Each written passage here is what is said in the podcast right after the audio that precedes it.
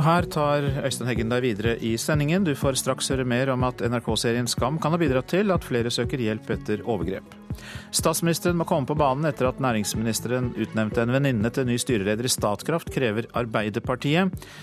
Avvis kynisme og frykt var Barack Obamas budskap på Demokratenes landsmøte. Vi tar inn vår korrespondent i eh, Philadelphia. Og Zimbabwes president Robert Mugabe mister støtte fra en viktig gruppe, veteranene fra kampen mot det hvite styret i landet. Ja, som hørt i Dagsnytt, eh, Antallet som søker hjelp etter overgrep har økt eh, kraftig de siste månedene. Det er tall fra overgrepsmottaket i Oslo og ressurssenteret Dixie som viser det. Fagfolk mener at NRK-serien Skam kan ha bidratt til å senke terskelen for å søke hjelp. Jeg tror jeg har blitt voldtatt av broren til William.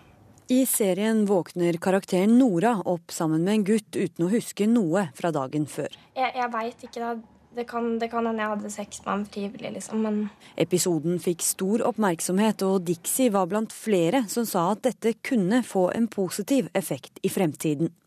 Og nå, i månedene etter, har ressurssenteret hatt en økning på 26% nye brukere sammenlignet med samme periode i fjor.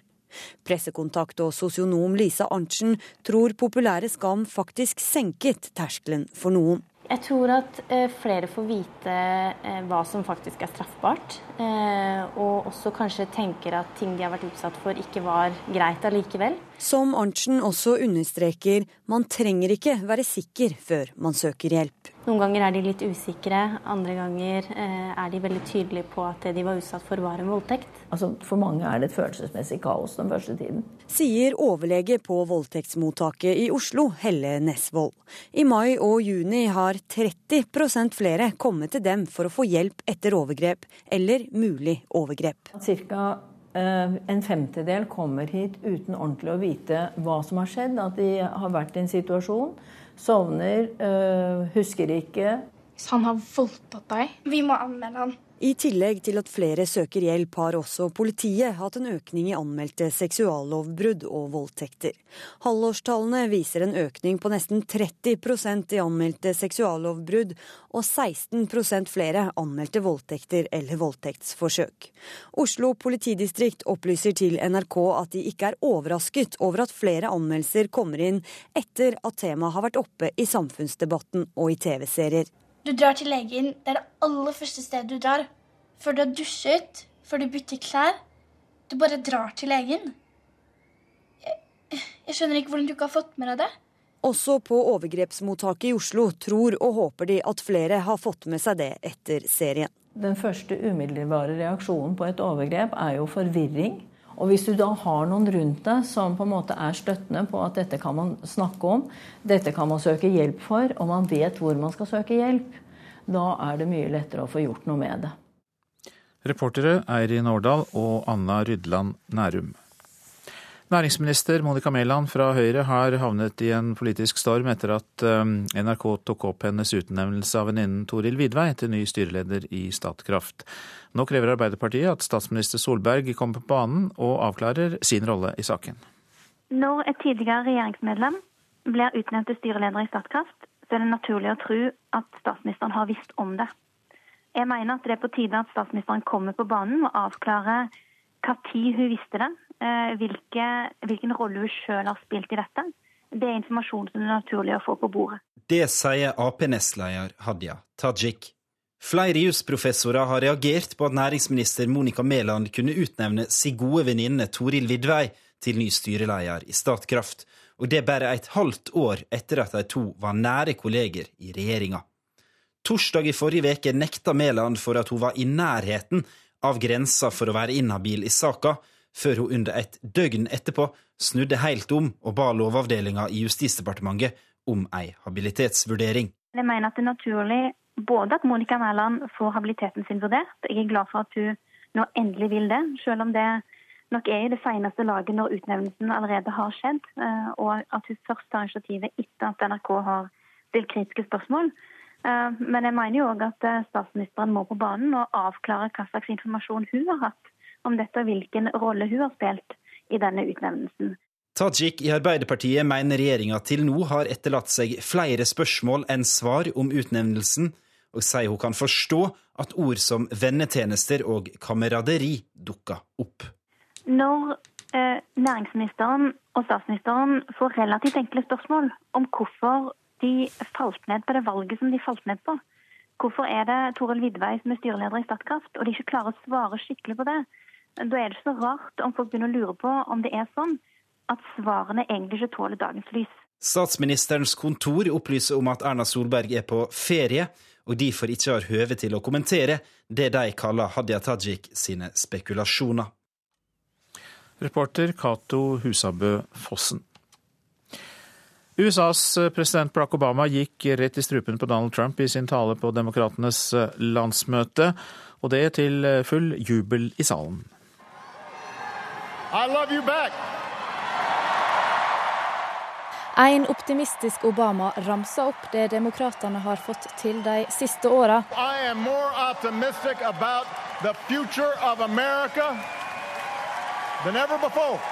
Men han la til at det står arbeid igjen før han kom inn på hvorfor Hillary Clinton bør bli USA sin neste president. Og så langer han ut mot Donald Trump.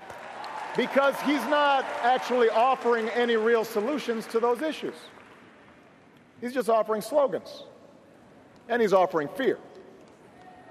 He's betting that if he scares enough people, he might score just enough votes to win this election.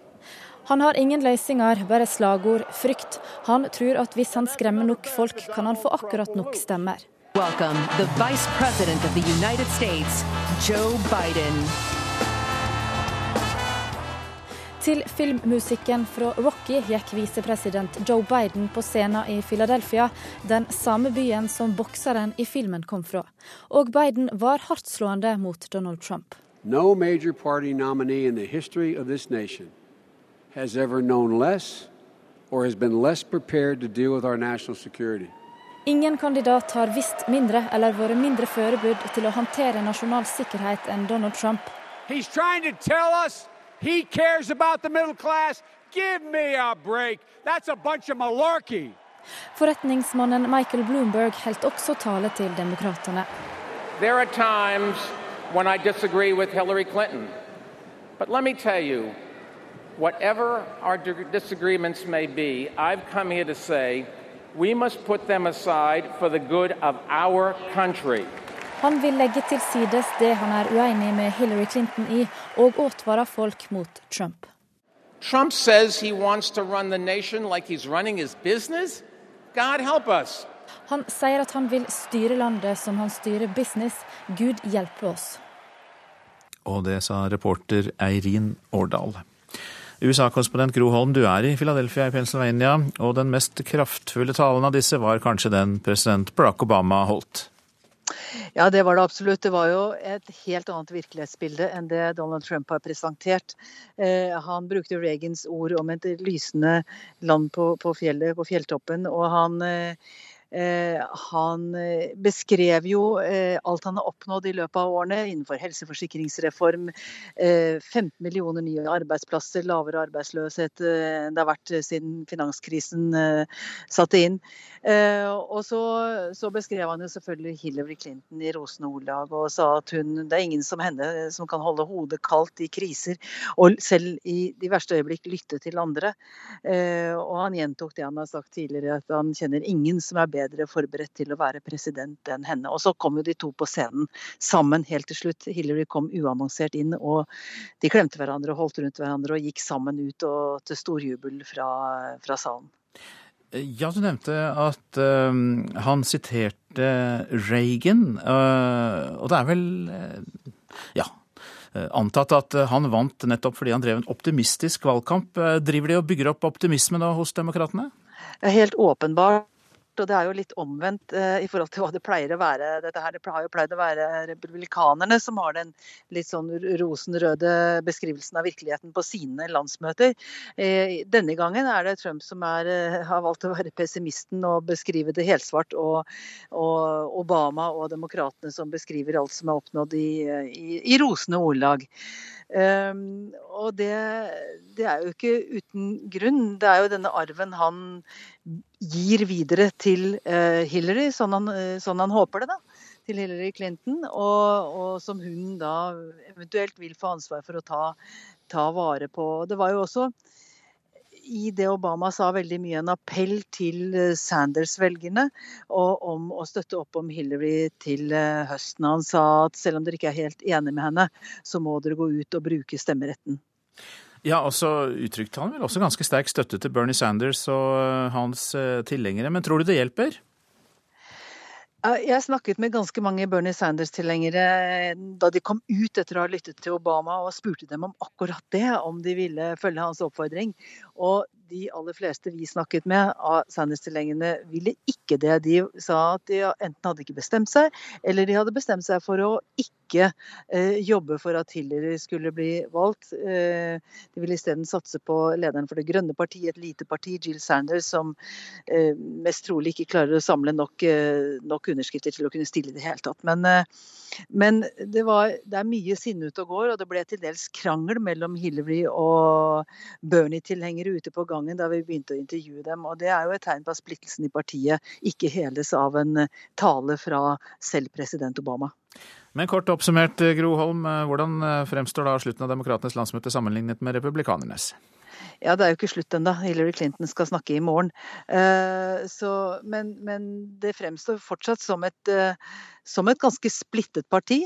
Og jeg tror at Eh, at den nye ledelsen og Hillary Clinton vil få store problemer med å beholde hele Bernie Sanders-flokken innenfor partiet. Eh, men en del av dem vil selvsagt bli der, og vil selvsagt komme til å stemme på Hillary Clinton når det kommer til stykket for å stanse Trump. Mange takk skal eh, du ha. Rosenborg ledet 2-0 til pause mot kypriotiske Apoel i Mesterligaens tredje kvalifiseringsrunde i går kveld, men så slapp trønderne inn et mål noe som gir motstanderne et eh, bedre utgangspunkt før returmøtet. Og det gjorde eh, en av spillerne, Pål André Helland, forbannet. Vi har et dårligere utgangspunkt nå enn vi har hatt pause. Det er unødvendig. Det sa Pål André Helland onsdag kveld etter møtet med kypriotiske Apoel i den tredje runden av mesterligakvalifiseringen. Men det så lenge lyst ut for trønderne. Vi får slått inn Gytkjær, og der er det skåring! Først gjorde Christian Grytkjær 1-0 etter 23 minutter. Fredrik Midtsjø inn i Apoel 16-meter til Jørgen Skjelvik. Jørgen Skjelvik setter mål! Før Jørgen Skjelvik dobler ledelsen like før pause. Men etter hvilen hang kyprioterne vesentlig bedre med. Klareringa mot bakerste, og der er det skåring til Apoel. De skårer på sin første sjanse, men eh, det er reaksjonen vår etter vi slipper inn målet som irriterer meg mest. For da, da slutter vi Eh, og, og gjøre det vi gjorde som vi fungerte veldig bra i første gang. Også trener Kåre Ingebrigtsen var skuffa til tross for 2-1-seieren. Blir litt sliten, og så klarer vi ikke å være samla. Og så får vi litt avstander i laget, og da, da, møter vi et eh, godt lag som benytter seg av det. Og det vi er skuffa over eh, de 20 siste. Det er vi. Tirsdag venter returmøte i hele 40 varmegrader på Kypros. Har du tatt fram speedoen, da? Jeg tror ikke jeg skal ha noe speedo på Kypros. Det det blir ikke før etter vi har gått videre, i hvert fall. Reporter her, det var Ida Moseng. Klokka går mot 7.17. Dette er hovedsaker. NRK-serien Skam har bidratt til å senke terskelen for å søke hjelp etter overgrep, tror forskere. Statsministeren må komme på banen etter næringsminister Monica Mælands utnevnelse av venninnen Toril Vidvei til ny styreleder i Statkraft. Det krever Arbeiderpartiet. Og eh, Zimbabwes president Robert Mugabe mister støtte fra en viktig gruppe, veteranene fra kampen mot det hvite styret i landet. Mer om det straks. For disse veteranene i Zimbabwe har for første gang brutt med presidenten. De kaller han diktatorisk, manipulerende og egoistisk. Krigsveteranene har vært eh, Robert, blant Robert Mugabes mest lojale støttespillere i flere tiår, men nå går de altså ut med skarp kritikk av 92-åringen. Mugabes svar er at de vil få en hard straff, at han vil velge en ny ledere fra gruppen, der han fortsatt har mange tilhengere. Once you begin to interfere with our politics, you are causing trouble. Med en gang det blander dere i politikk, gir det meg trøbbel, sier Mugabe om krigsveteranene, til tilhengere som har møtt opp med dans og jubel. Men krigsveteranene er ikke de første som har gitt han trøbbel. Under navnet This Flag har ei protestrørsle vokst fram, og holdt ei rekke streiker og demonstrasjoner. De er frustrert over en svekka økonomi, valutakrise og det de mener er korrupsjon. For det som var kjent som en av de mest velstående landene i Afrika, har senere blitt bedre kjent for sin ekstreme inflasjon. På det verste var den på 123 millioner prosent i 2008. Bakgrunnen er bl.a. ei rekke mislykka landreformer, der jord skulle takast fra de hvite, rike bøndene. Et løfte tilbake fra frigjøringa i 1980. Sanksjoner fra Vesten har skylda, mener regjeringa. Økonomisk vanstyre, mener opposisjonen. En frontfigur for denne har vært pastoren Evan Mavarire, som tidligere denne måneden ble arrestert, skylda for å ha prøvd å kuppe Mugabes regjering. Han ble senere sluppet fri, og reiste da til Sør-Afrika. Han har rømt, sier noen. Sjøl sa han at det var en planlagt tur, og at han hadde tenkt å returnere og holde fram kampen. Vi er i en tid der frykta blir brutt ned. Målet med denne kampanjen er å få flere og flere i Zimbabwe til å ikke være redde mer, og spre budskapen vår. New York Times skriver om at medan folk ikke har fått utbetalt lønn og minibankene er tomme, har visepresidenten bodd på luksushotell i hovedstaden siden desember 2014, til en nettepris av 1000 dollar natta, på skattebetalernes regning. Og utenfor står demonstrantene.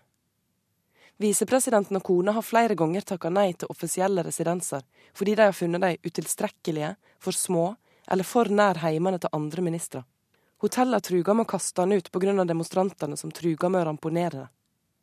Nå går ryktet om at visepresidenten omsider skal flytte. Og de som bor i området han skal flytte til, er nøgde. For nå blir endelig hulla i veien fiksa.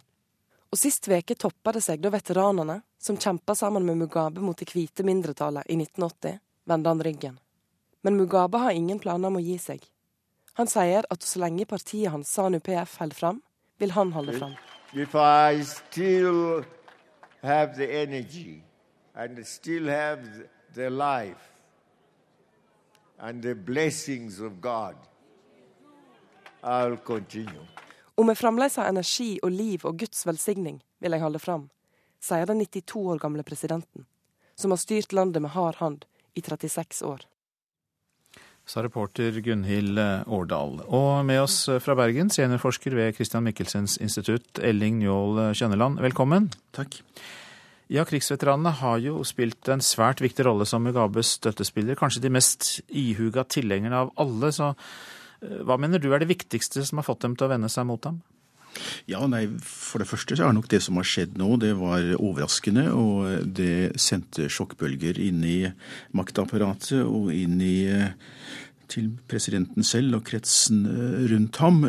Det springer ut av og er foreløpig kulminasjonen på en dramatisk måned i Zimbabwes politiske historie, der flere ting har spilt sammen. Det ene er eh, den økonomiske krisa, som har ført til at statskassa nå bokstavelig talt er tom, og det er ikke penger til å utbetale lønninger til de offentlige ansatte. Eh, så er Mugabe sterkt preget av sin alderdom og sviktende helse, eh, og oppi dette så har, så har de ulike fraksjonene i regjeringspartiet begynner å posisjonere seg for å komme i posisjon til å overta. Og i, på bakgrunn av det så ser vi nå at eh, viktige støttegrupper eh, bak Mugabe også begynner å eh, vende seg mot andre og gå ut med åpen kritikk mot, mot presidenten. Ser du det som eh, et tegn på begynnelsen på slutten for eh, Mugabes regime? Eh, det eh, signaliserer at eh, makten er i ferd med å forvitre, og at viktige maktinstrumenter nå ikke lenger er til å stole på. Hvorvidt dette også fører til at regimet rakner og faller, skal være mer usikkert, men det er sterkt svekket regime. Er det noen i hans krets eh, som kan tenkes å overta, nemlig da å føre hans maktbase videre og ikke slippe til opposisjonen? Noe av Mugabes eh, største svakheter er at han aldri har klart å få på plass en partikultur hvor en kronprins kan eh, vokse fram og overta. Når det har oppstått en sterk person i partiet, så har han alltid sørget for at disse personene blir eh, svekket og støtt ut i mørket. Og Derfor har vi nå fått en situasjon hvor det er bokstavelig talt nesten full krig i i partiet. Eh, så det er ingen eh, som umiddelbart peker seg ut, men det er mange kandidater som ønsker å overta. Da kan det tenkes at det styrker opposisjonens muligheter for å ta over? Eh, det burde det kunne gjøre, og det er sterk motstand og forbannelse blant mange folk på gata i Zimbabwe. Men problemet er også at opposisjonen er sterkt eh, svekket og splittet. Kanskje den sterkeste opposisjonslederen, Morgan Sangaray, har eh, vært sterkt preget av, av en kreftsykdom. Så eh, noe av det dystre ved Zimbabwe at det heller ikke peker seg ut noen, noen klar eh, opposisjon som kan overta. Eh, så det alle vender blikket mot, er hva er det som skjer innad i regjeringspartiet, og hvilke konsekvenser det får at, eh, at det nå er full strid i partiet. Mange takk skal du ha for at du var med oss, eh, Elling Njål Kjønland, som altså er seniorforsker ved Christian Michelsens institutt.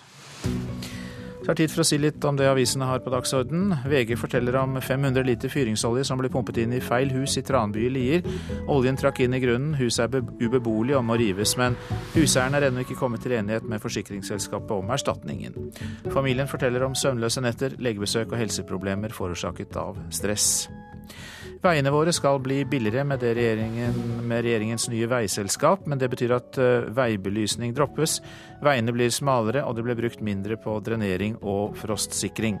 Det kan bli dyrt å bygge for billig, sier direktør i Statens vegvesen Terje Moe Gustavsen til Aftenposten. Trygg Trafikk er også bekymret. Vi kan ikke ta hevn, sier norske katolikker til Vårt Land etter prestedrapet i Frankrike. I de katolske kirkene ber de for Jacques Hamel, som ble drept foran alteret i sin kirke, men samtidig mener mange katolikker at paven bør vurdere om han fortsatt skal beskrive islam som fredens religion. Nå feirer egyptiske islamister den tyrkiske presidenten Recep Tayyip Erdogan, kan vi lese i Klassekampen. Erdogan har slått ned på sine motstandere etter det mislykkede kuppet. Også vi kan vinne til slutt, sier en av ministrene i den egyptiske islamistregjeringen, som ble styrtet i det egyptiske militærkuppet for tre år siden. Nå starter Ryanair priskrig, skriver Finansavisen. Det irske flyselskapet tilbyr reiser til London fra Oslo lufthavn Gardermoen ned mot 156 kroner. Når pundet er billig og flybillettene nesten gratis, kommer vi til å se en økning i antall turister fra Norge, sier sjefen for Visit Britain, Gary Robson. De nye boligene i kanalbyen i Kristiansand er ikke bare for fiffen, skriver Fedrelandsvennen. Laveste pris på leilighet blir 1,6 millioner kroner, og halvparten av dem koster rundt eh, under 5 millioner kroner. Og det er akseptabelt, sier Huseiernes Landsforbund. Flere av sommerens musikkfestivaler som spiller elektronisk musikk, har få eller ingen kvinner på programmet. Den skjeve kjønnsbalansen har skapt reaksjoner blant flere kvinner i bransjen, som mener at damene de fins, eh, bare det at festivalene må lete bedre. Den kompresser på den. Sånn kan man sitte og holde på i mange timer. Anniken Jess Iversen sitter foran dataen og trykker iherdig på tastaturet. Under artistnavnet Anana har hun allerede gitt ut flere elektroniske låter. Men hun opplever det vanskeligere å lykkes fordi hun er kvinne. Gutter blir sett på som mer De har liksom mer teknologisk anlegg. Spesielt innenfor elektronisk musikk. Og da må du liksom bevise som kvinne at du faktisk klarer det. Du må være litt mer kvalifisert for å oppnå like mye som en mann. Og fraværet av kvinnelige artister på festivaler i den elektroniske sjangeren er markant. Noen av festivalene har så godt som ingen kvinner på programmet, og der kvinner er booket, er de få. Det er jo veldig dårlig. Det er veldig dumt. Og jeg tror det er eh, de som arrangerer festivalene sin oppgave å prøve liksom For det finnes jo kvinner der ute. Gode kvinner der ute. Festivalsjefene NRK har snakket med, sier det handler om tilbud og etterspørsel. Vi boker ikke en festival for oss selv, vi boker den for publikum. Så hva de tykker og hva de har for ønskemål, Det er så klart veldig viktig. Martin Nilsen, som er med å arrangere elektronikafestivalen Findings, sier at det har vært vanskelig å booke kvinnelige artister i år. Hvilke kvinner eh, selger billetter? Hvilke er tilgjengelige? Og vi kommer ikke gå og booke en kvinne bare for at det skal være en kvinne. Det har ikke funket med, eh, med tilgjengeligheten i år. Han får støtte av festivalsjef på Palmesus Heine Strømme, som sier at mange kvinner takket nei. Ellers var det en hel haug med andre artister vi prøvde å få tak i som er kvinnelige. F.eks. Sara Larsson, Veronica Maggio, eh, Robin. Det er ikke akkurat sånn at vi kan velge og vage og få akkurat det vi vil. Elektropopartist Sandra Kolstad er helt uenig i festivalenes utspill. Det overrasker meg år etter år dette at eh, det liksom skal være så vanskelig. At det er svaret eh, som, eh, som, disse festivalene oppgir. Fordi det er i hvert fall jeg er veldig interessert i å høre en god grunn til på hvilken måte det er vanskelig. For det finnes så mange gode artister som er kvinner, også innenfor det elektroniske feltet. Og Reportere var Karoline Berge Hammersmark og Fredrik Brogeland Låke. Du lytter altså til Nyhetsmorgen, produsent i dag Amalie Frøystad Nære, og her i studio Øystein Heggen. Historisk, sier amerikanerne om at Hillary Clinton er første presidentkandidat fra et av de store partiene. Men velkommen etter, kan mange andre land fristes til å si. Mer om kvinners posisjon i politikken etter Dagsnytt. Og vi skal også snakke med en kvinnelig politiker, venstreleder Trine Skei Grande, som er på Demokratenes landsmøte i Philadelphia.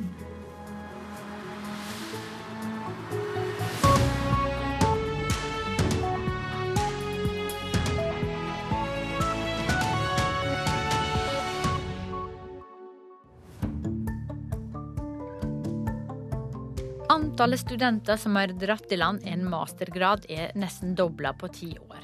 Men mange sliter med å få seg en relevant jobb. Det utdannes for mange humanister, mener kommentator Aksel Braan Sterri. I Kulturhuset klokka 13 i dag møter han prodekan ved Humanistisk fakultet ved Universitetet i Oslo, som ikke er pessimist på vegne av sine studenter. Han vet nemlig at de får seg jobb.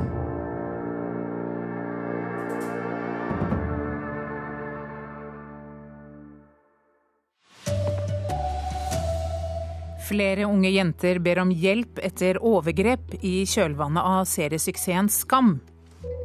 Hillary Clinton ble hyllet, og Donald Trump fikk gjennomgå i nattens taler på Demokratenes landsmøte. Og konkurs hos et britisk reiseselskap skaper ferietrøbbel med ekstraregning for mange nordmenn. Her er NRK Dagsnytt, klokken er 7.30. Antallet som søker hjelp etter overgrep har økt kraftig de siste månedene. Det viser tall fra overgrepsmottaket i Oslo og ressurssenteret Dixie. Fagfolk mener NRK-serien Skam kan ha bidratt til å senke terskelen for å øke hjelp. søke hjelp. Jeg tror jeg har blitt voldtatt av broren til William. I serien våkner karakteren Nora opp sammen med en gutt uten å huske noe fra dagen før. Jeg, jeg veit ikke, da. Det kan, det kan hende jeg hadde sex med ham frivillig, liksom, men Episoden fikk stor oppmerksomhet, og Dixie var blant flere som sa at dette kunne få en positiv effekt i fremtiden. Og nå, i månedene etter, har ressurssenteret hatt en økning på 26% nye brukere sammenlignet med samme periode i fjor. Pressekontakt og sosionom Lisa Arntzen tror populære Skam faktisk senket terskelen for noen. Jeg tror at eh, flere får vite eh, hva som faktisk er straffbart. Eh, og også kanskje tenker at ting de har vært utsatt for ikke var greit allikevel. Som Arntzen også understreker, man trenger ikke være sikker før man søker hjelp. Noen ganger er de litt usikre, andre ganger er de veldig tydelige på at det de var utsatt for, var en voldtekt. Altså, for mange er det et følelsesmessig kaos den første tiden. Sier overlege på voldtektsmottaket i Oslo, Helle Nesvold. I mai og juni har 30% flere kommet til dem for å få hjelp etter overgrep eller mulig overgrep. Cirka en femtedel kommer hit uten ordentlig å vite hva som har skjedd. At de har vært i en situasjon, sovner, husker ikke, våkner under mistenkelige omstendigheter, mer eller mindre mistenkelige omstendigheter, og har behov for en avklaring. Reportere Eirin Årdal og Anna Rydland Nærum. Så til USA, der sittende president Barack Obama gikk rett i strupen på Donald Trump i sin tale på Demokratenes landsmøte, og det til full jubel i salen.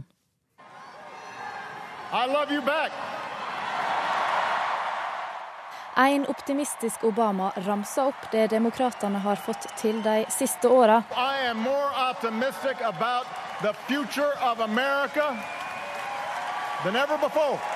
Men han la til at det står arbeid igjen før han kom inn på hvorfor Hillary Clinton bør bli USA sin neste president.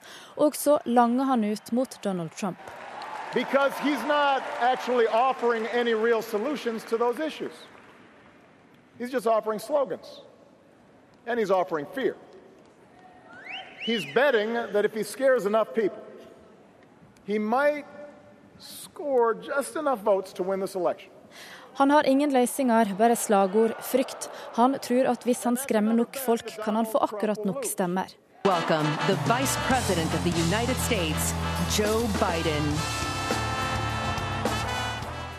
Til filmmusikken fra Rocky gikk visepresident Joe Biden på scenen i Philadelphia, den samme byen som bokseren i filmen kom fra. Og Biden var hardtslående mot Donald Trump. No major party nominee in the history of this nation has ever known less or has been less prepared to deal with our national security. Ingen kandidat har visst mindre eller vært mindre forberedt til å håndtere nasjonal sikkerhet enn Donald Trump. He's trying to tell us he cares about the middle class. Give me a break. That's a bunch of malarkey. Reportere her var Eirin Årdal. Korrespondent Gro Holm, du er med oss fra Philadelphia, der nettopp demokratenes landsmøte holdes. Hva slags tale var det Barack Obama leverte i dag? Ja, Det var jo en uh, veldig rosende beskrivelse av det USA han gir videre til neste president, uansett om han heter Trump eller hun heter Hillary Clinton. Eh, det var en hyllest til eh, Hillary Clinton, altså en valgkamptale for henne, og en sterk oppfordring om å stemme på henne og hennes eh, kvalifikasjoner. Hun er den beste kandidaten jeg, som noen gang har eksistert som presidentkandidat, som han sier.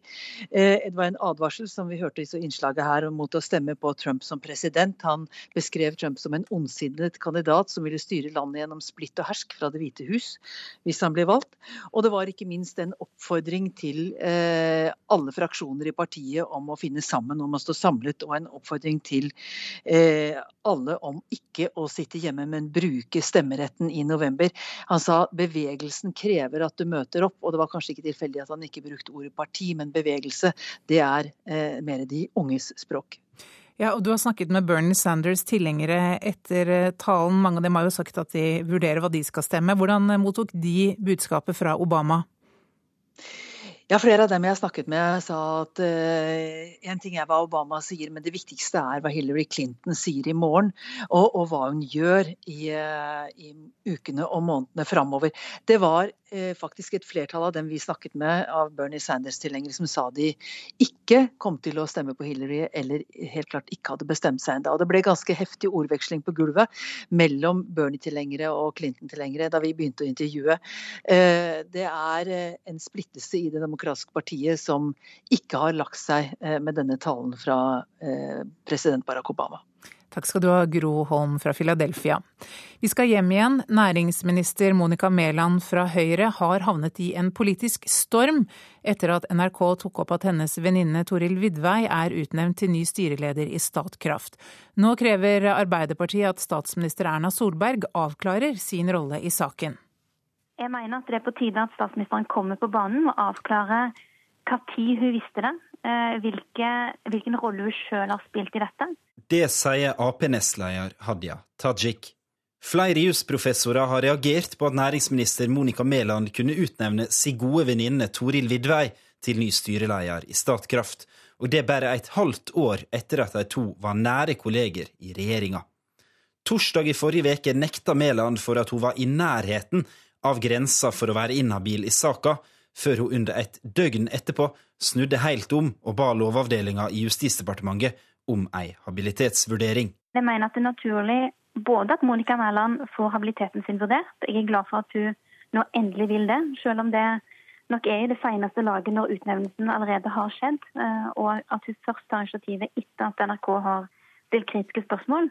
Tajik i Arbeiderpartiet mener regjeringa til nå har etterlatt seg flere spørsmål enn svar om utnevnelsen. Når eh, næringsministeren Og statsministeren får relativt enkle spørsmål om hvorfor de falt ned på det valget som de falt ned på, og de ikke klarer å svare skikkelig på det. Da er det ikke så rart om folk begynner å lure på om det er sånn at svarene egentlig ikke tåler dagens lys. Statsministerens kontor opplyser om at Erna Solberg er på ferie, og derfor ikke har høve til å kommentere det de kaller Hadia Tajik sine spekulasjoner. Reporter her, Cato Husabø Fossen. Forbrukerrådet og Reisegarantifondet har fått et ras av henvendelser fra fortvilte nordmenn som har kjøpt ferien sin gjennom det britiske Low Cost Holidays, før selskapet slo seg konkurs for noen uker siden. Mange har kommet til hotellet sitt og fått en ny regning fordi selskapet ikke har betalt for oppholdet. Og mange lurer på hva de har krav på, forteller Signe Eriksen i Garantifondet. Selskapet har gått konkurs konstaterer Signe Eriksen, daglig leder i Reisegarantifondet. Og det er ikke gode nyheter for nordmenn som har bestilt ferien gjennom bookingselskapet Low Cost Holiday. Mange hadde forhåndsbetalt ferien, kommet til hotellet i god tro på at alt var i orden, men så sier hotellet at de ikke har fått pengene sine fra Low Cost Holiday, og så ber hotellet om å få hele regningen på oppholdet betalt én gang til. Reisegarantifondet har fått over 70 henvendelser fra nordmenn som nå ikke vet hva de skal gjøre. Da eh, kan ikke jeg annet enn å fortelle dem at regelen er at du har krav på å få pengene igjen. Og har du da ikke likviditet eller et kort du kan trekke på i mellomtiden, så får en jo ikke den ferien. Low Cost Holiday flyttet i 2014 firmaet til Mallorca og knyttet seg til den lokale, mindre strenge reisegarantiordningen der. På nettsidene opplyser de nå ulike måter kunder kan få pengene tilbake, men konkurser som denne dekkes som regel ikke av norske reiseforsikringer. Og Eriksen mener saken viser hvor viktig det er å betale med kredittkort på nett. Det er så viktig fordi at da er du garantert enten å få den tjenesten du har kjøpt, eller at du får pengene dine igjen. Og, så, og reporter her var Martin Holvik. Regjeringen må jobbe raskere for å få innført et register over folks forbrukslån. Det mener opposisjonspolitikere, skriver Dagens Næringsliv. I dag kan ikke banker som vurderer å gi folk boliglån, sjekke om de allerede har kreditt- eller forbrukslån. Ansvarlig for NRK Dagsnytt var Arne Fossland, i studio Marit Selmer Nedrelid.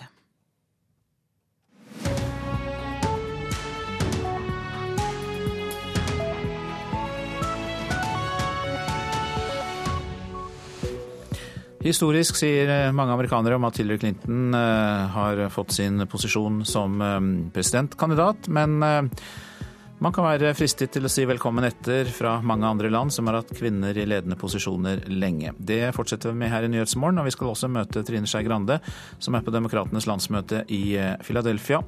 Rekordmange nye studenter gjør kampen om studentboligene tøffere enn før, skal vi også høre mer om før klokka åtte.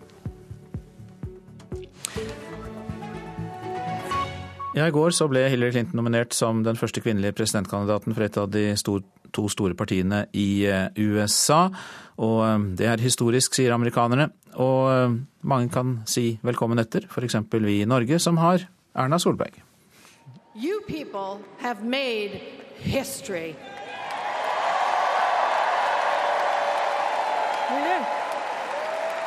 And you're going to make history again in November. Skuespilleren Meryl Streep minner om det historiske ved nominasjonen av Hillary Clinton. Og det må man jo si at det er.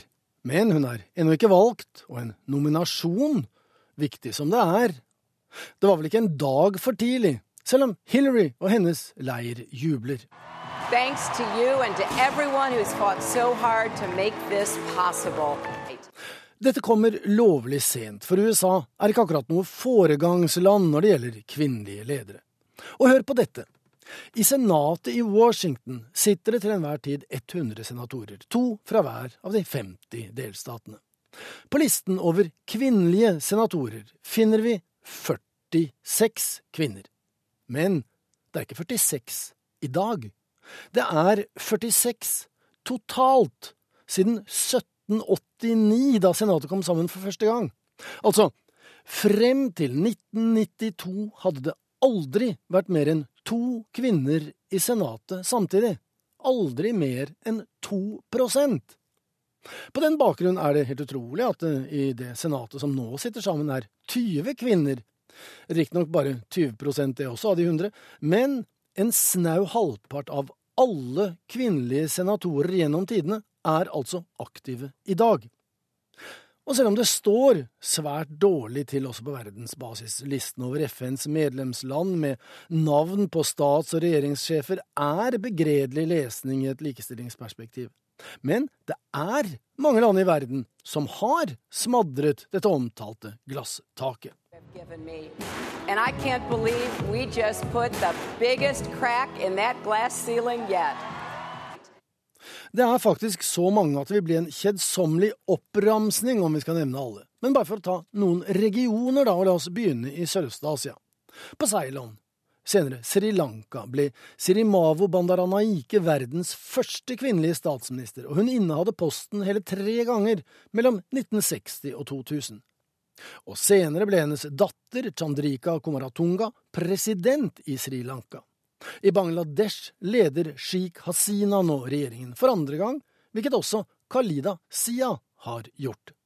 I Pakistan ble Benazir Bhutto i 1988 den første kvinnelige regjeringssjefen i et muslimsk land i moderne tid, og i India regjerte mektige Indira Gandhi i flere perioder. To, to us it doesn't matter what the media says, it's quite irrelevant to India. But it shows that you are divorced from the facts. I Latin-Amerika, om vi tar de tre sørligste og i mange henseender viktigste landene i verdensdelen, Argentina dyrker Eva Perón, men det er Cristina Fernandes som har vært folkevalgt president. I Chile ble Michelle Bachelet gjenvalgt som president for to år siden etter én periodes lufting, og idet de olympiske sommerlekene i Brasil åpnes, kjemper den suspenderte presidenten Dilma Rousef for sitt politiske liv. Og så må vi ikke glemme en av de kanskje mest markerte av dem alle, Israels Golda Meir. To say that there is a Palestinian people as apart from those that are in Jordan, especially, uh, this is not true to, to fact and not true to history. Den tyske forbundskansler Angela Merkel blir jevnlig kåret til verdens mektigste kvinne. Alle husker Margaret Thatcher, og for bare et par uker siden fikk det britiske restimperium, altså Storbritannia, ny statsminister, Teresa May. I have just been to Buckingham Palace, where Her Majesty the Queen has asked me to form a new government, and I accepted. Og for å minne om oss selv og vårt eget nabolag. Gro Harlem Brundtland tør være kjent, i Danmark har Helle Thorning-Schmidt vært statsminister. Finland har hatt kvinnelige statsministre, i tillegg til Tarja Halonen, som var president i tolv år. Og Island er mer enn fotball. Vigdis Finnbogadottir var verdens første folkevalgte kvinnelige president. Og vi ble oppdatert av uh, Joar Hoel Larsen. God morgen til deg, Venstre-leder Trine Skei Grande. God morgen eller god kveld det her er, da. Ja, det er absolutt god kveld hos deg. Du er nemlig på Demokratenes landsmøte i Philadelphia. Og det var jo mye snakk om at Hillary Clinton brøt gjennom glasstaket der du er, den usynlige barrieren som hindrer kvinner i å nå topps i makt, makthierarkiet. Hvorfor tror du at det går, eh, bare for å ta det i forhold til den saken vi nettopp hørte, langsommere i USA enn i mange andre land, som vi hørte Joar O. Larsen fortelle? Nei, det er vel sikkert mange grunner til det. Og jeg syns ikke det at andre har hatt kvinnelige presidenter, gjør det Hillary Clinton gjorde i forgårs, med nemlig å bli nominert et, for et stort parti i, i, USA til å bli president, noe mindre hendelse. Det gjør den kanskje til å bli en enda større hendelse. Men eh, vi kan jo sammenligne, hvis vi sammenligner Norge og USA, da, så er jo kvinner mye mer Det er et mye mer likestilt arbeidsmarked, og mange flere kvinner som er toppledere i næringslivet i USA men, enn det er i Norge. Men i Norge har vi hatt en tradisjon med flere kvinnelige politikere enn det vi har hatt i amerikansk politikk. Så jeg tror nok sikkert du kan skrive mange doktorgrader med å prøve å finne bakgrunn for at eh, vi er så ulike på likestilling. Et nyansert bilde der fra deg, Trine Skei Grande. Men vi skal snakke om landsmøtet. og eh, Hvordan opplever du å være på dette landsmøtet? Nei, det må sies at eh, den eh, nå i forgårs, når eh, Hillary ble nominert og tallene ble lest opp for hver enkelt stat, så var det en klar følelse at jeg var med på noe ordentlig historisk. Noe som, som det kommer til å bli snakka om. Jeg deltar jo også på et, et lederseminar for politiske ledere fra 100 forskjellige land samtidig, og i dag hadde vi vi kvinnelunsj for kvinnelige politiske ledere. Og da er det jo Geraldine Ferraro, som var visepresidentkandidaten til Walter Mondale, som er liksom ikonet under når vi samles til den lunsjen. Eh, og det er ganske lenge siden hun var visepresidentkandidat for Demokratene, og den første kvinnelige. Eh, og det sier noe om hvilken ja, hvilken rolle Hillary Clinton kommer til å ha, uansett om hun blir valgt eller ikke, eh, som kvinnelig symbol i amerikansk politikk. Hva tror du om sannsynligheten for at eh, hun kan bli USAs første kvinnelige president? Eh, det er det jo en sannsynlighet for, men det er ganske close mellom de to.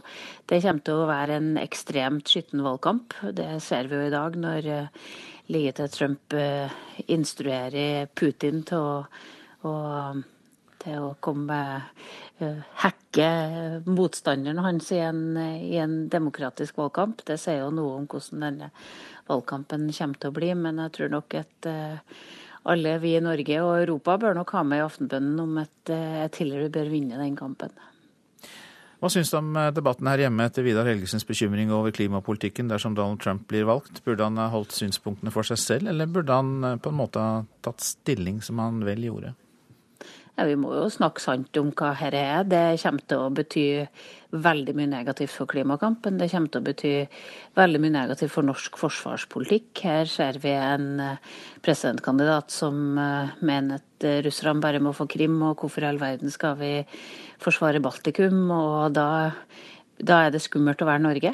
Det vil må, må, påvirke hvordan vi anlegger forsvarsmeldinga som vi skal behandle til høsten. Et Eh, det kommer til å bli forskjellig med, ut fra hvilken amerikansk president vi får.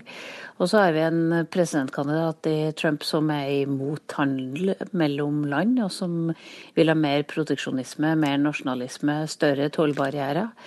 Og det vil også påvirke norsk næringsliv, og det vil påvirke norsk velferd. Så det vil få enormt store konsekvenser, og det kan vi jo ikke la være å fortelle folk at det faktisk får. Takk skal du ha, Trine Skei Grande, og lykke til videre på Demokratenes landsmøte i eh, Philadelphia. Der er klokka 7.50, og vi har hovedsaker. Flere unge jenter har bedt om hjelp etter overgrep i kjølvannet av TV-serien Skam fra NRK. Hillary Clinton ble hyllet, og Donald Trump fikk gjennomgå i nattens taler på Demokratenes landsmøte. Konkurs hos reiseselskapet Low Cost Holiday skaper ferietrøbbel og ekstraregninger for mange nordmenn. Og regjeringen må jobbe raskere for å innføre et register over folks forbrukslån. Det mener opposisjonspolitikere på Stortinget. Det er Dagens Næringsliv som skriver det i dag. Og vi ønsker velkommen til deg, Marianne Andenes. Tusen takk. Du er leder for NSO, det er jo Norsk studentorganisasjon. Og du er her i forbindelse med at eh, mange nye studenter eh, sliter med å få en eh, bolig. Det er vel knapt boliger til 15% av studentene. Hva mener dere må gjøres? Det stemmer, det er veldig få studenter som har mulighet til å bo i studentbolig. Eh, vi mener at studentboliger er et godt alternativ. Det er et rimelig og trygt boalternativ for studentene, og ønsker selvfølgelig at det bygges flere. Og per dags dato så mangler det ca. 13 000 boliger for å nå Norsk studentorganisasjon sitt mål om at 20 skal ha mulighet til å bo i studentbolig. Og vi krever derfor at regjeringen legger inn 3000 studentboliger i høstens budsjett. Er det en tanke å legge det litt mer utenfor bykjernen? Der er det jo billigere å bygge og bedre plass. Det er allerede ganske mange studentbyer og studentboliger som er utenfor sentrum. Og det som da er viktig, er jo at man har f.eks. gode transportmuligheter til campus og også til sentrum. Eh, men også vår oppfordring er jo at kommunene må legge til rette eh, F.eks. med boliger, nei, med tomter, eh, sånn at det faktisk er mulighet for samskipnaden å bygge boliger rimelig. Da. Og det er, det, det er, nettopp sånn at hvis det ikke er noe prosjekt klart, eller ikke er en tomt der, så vil heller ikke en samskipnad få tilskudd. Derfor er det veldig viktig at eh, kommunen også kommer på banen. Og så mener jo Leieboforeningen at Airbnb-systemet kan være et problem fordi eh, korttidsleie da eh, da blir mer bruk av det framfor langtidsleie til studenter. Ser du på det som et problem også?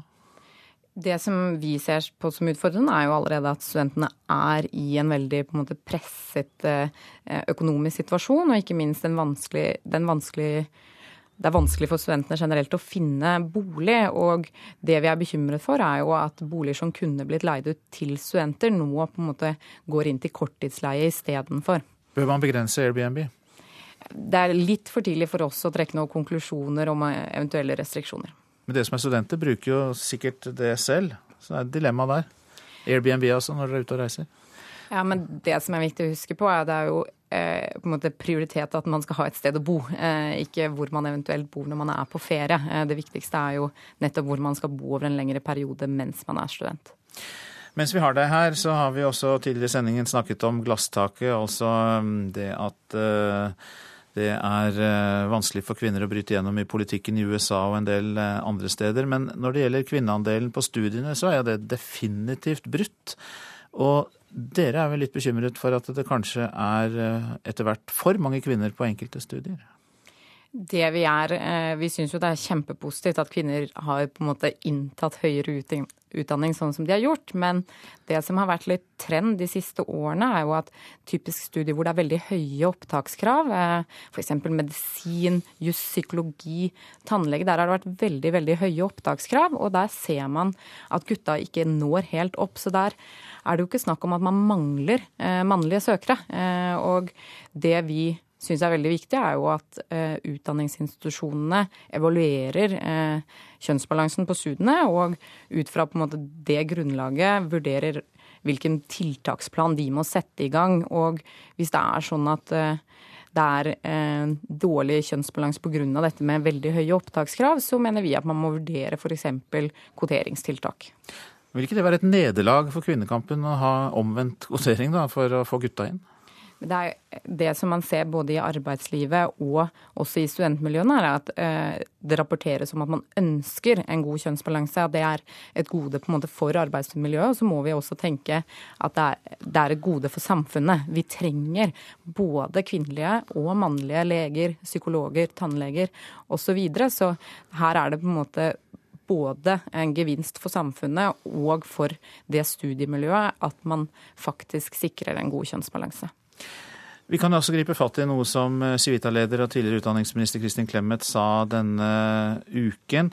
Eh, at eh, andre utdanningsveier enn høyere akademisk utdanning blir sett på som B-løsninger. Hun nevnte for eh, Klassekampen at hun ville snakke varmt om fagskoler som alternativ til universitet.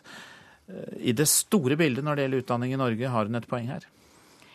Det som hun har rett i, er at vi må sikre en bredde av kompetanse i samfunnet vårt. Og spesielt fordi vi er en prosess med, med stadig omstilling, eller behov for omstilling. og for oss er det ikke et mål at alle skal ta høyere utdanning, men det er et mål om at vi skal ha en bredde i den kompetansen vi har i samfunnet. Og derfor så så, så, er vi veldig opptatt av fagskolene og det tilbudet de på en måte har, da, eh, som på en måte en videreutdanning og en erfaringsbasert kunnskap. Eh, og vi er også opptatt av at fagskolestudentene i større grad skal få rettigheter på lik linje som eh, studenter i høyere utdanning, f.eks.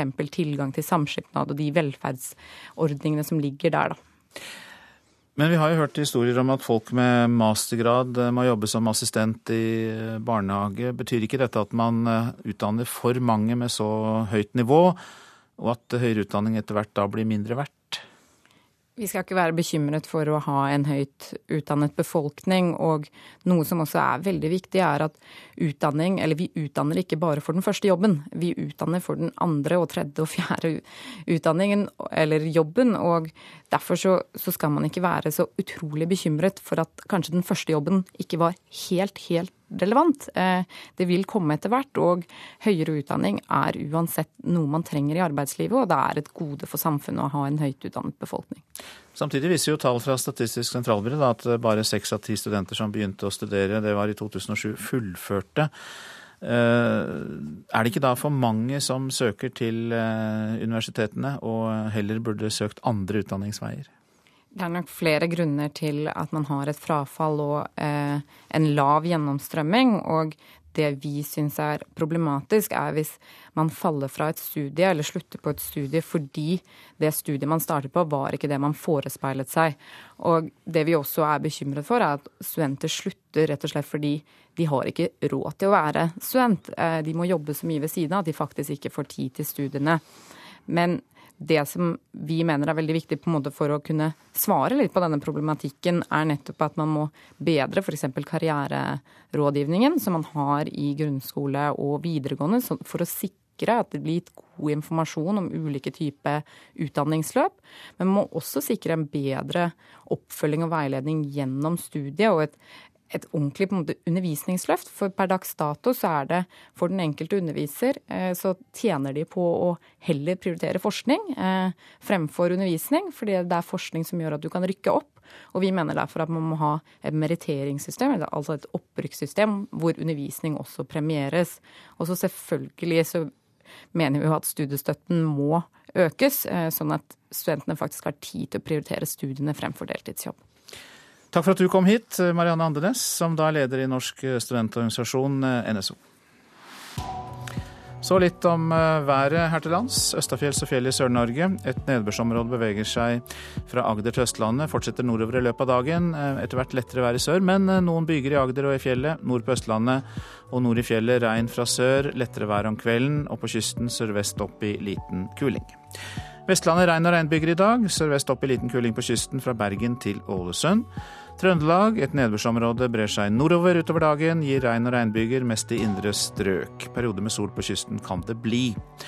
Nordland får oppholdsvær, perioder med sol også der. Utover ettermiddagen og kvelden brer regn seg nordover i Helgeland og Salten. Troms og Finnmark regn av og til, minkende nedbør eh, utover dagen. Østlig bris opp i eh, liten kuling på kysten av Finnmark. Spitsbergen litt regn i nord, ellers for det meste skyet oppholdsvær. Og vi får med oss temperaturer klokka sju. Svalbard 8, Kirkenes 11, Vardø og Alta 12, Tromsø 13, Bodø 14, Brønnøysund og Trondheim 17. Molde 15, Bergen 12, Stavanger 14, Kristiansand 13, Gardermoen 15, Lillehammer 14, Røros 12 og Oslo-Blindern 17 grader. Barack Obama klarte ikke å overbevise Sanders-tilhengerne i sin tale til demokratene i natt. Partiet er fortsatt splittet. Og mange helikoptre flyr fortsatt over ulykkesstedet på Turøy, selv om trafikken skulle bli mindre for å hjelpe de pårørende. Her er NRK Dagsnytt klokken åtte. Talen til USAs president Barack Obama dempet ikke protestene fra mange av Bernie Sanders sine tilhengere på demokratenes landsmøte i natt.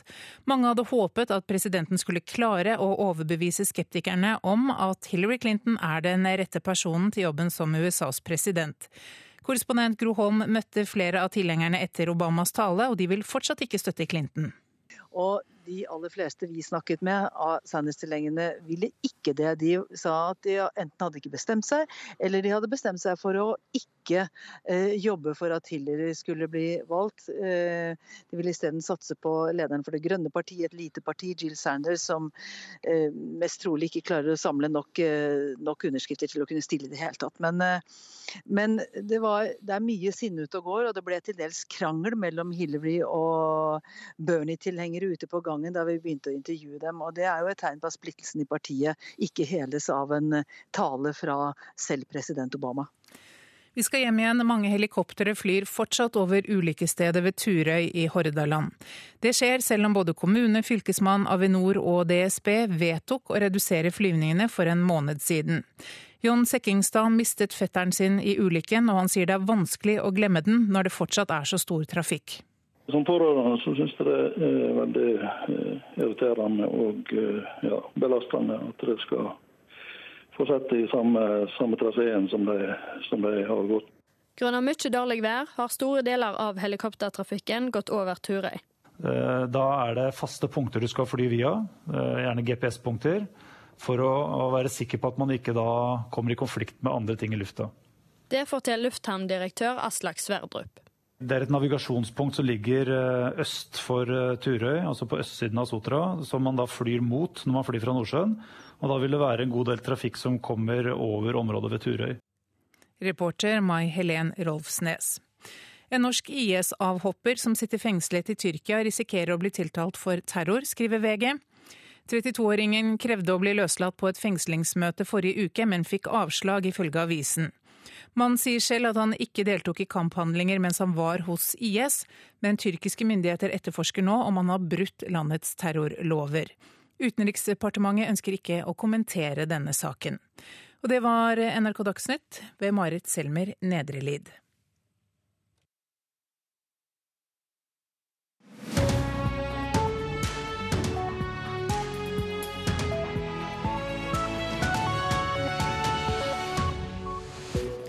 Og Nyhetsmorgen fortsetter med disse sakene. Tusenvis av barn i krigsherjede land blir holdt i fangenskap uten lov og dom. Flere franske medier slutter å publisere bilder av terrorister. De vil ikke gi dem et offentlig ansikt. Tyrkiske myndigheter kommer til å stenge 16 TV-stasjoner og stanse 45 aviser. Yushin Shulgin fra forfatterforeningen Penn International kommenterer i Nyhetsmorgen. Og femte Jason Bourne-film er på lerretet. Vi får en anmeldelse fra vår filmkritiker Birger Vestmo. Ja, Tusenvis av barn i krigsherjede land blir holdt i fangenskap uten lov eller dom. Det viser en rapport fra Human Rights Watch. Og eh, de mener også at mange av barna blir torturert. Han leita etter nevøen i nesten 1000 dager. Ahmad al-Musalmani ble arrestert i Syria i 2013 fordi han hadde en sang på mobiltelefonen som var kritisk mot Assad. Ahmad ble bare 14 år, forteller onkelen i et opptak Human Rights Watch har gjort. Blant bilder av døde fanger fant han nevøen.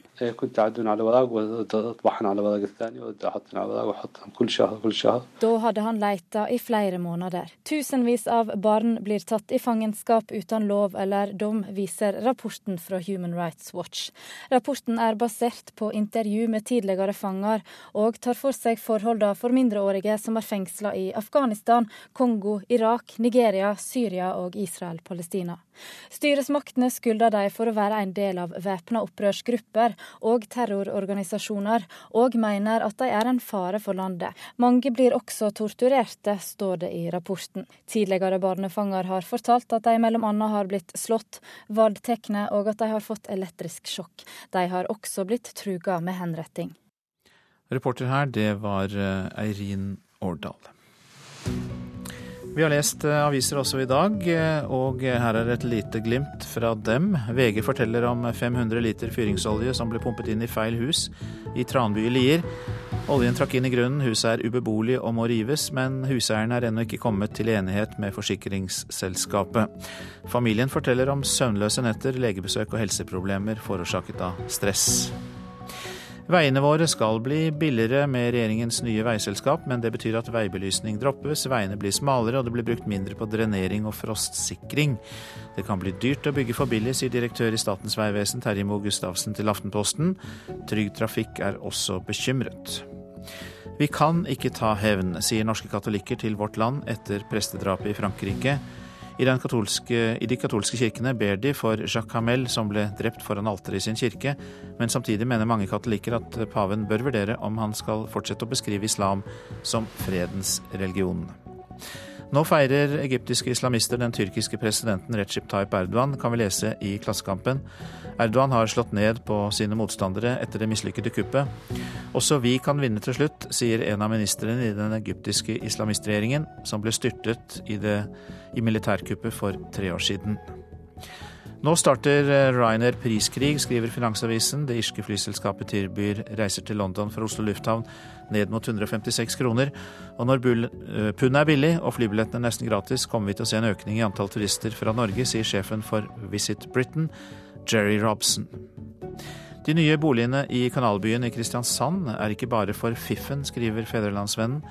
Laveste pris blir 1,6 millioner kroner for en leilighet, og halvparten av dem koster under 5 millioner kroner. Det er akseptabelt, sier Huseiernes Landsforbund. Og nå kan det bli salg av fisk fra båt i bergensregionen, kan Bergensavisen fortelle. Politikerne vil gå i dialog med fiskesalgslaget.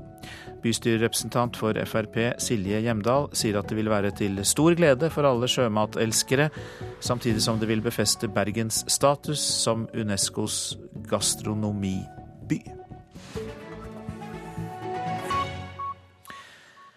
Gjentatte terrorangrep ser ut til å skremme flere fra å besøke europeiske storbyer.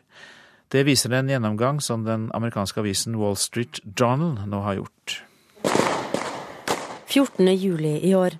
Politiet skyter mot den hvite lastebilen som like før har meid ned flere hundre mennesker som feira nasjonaldagen i Nis, Frankrike. 84 mennesker ble drept, over 300 skadd.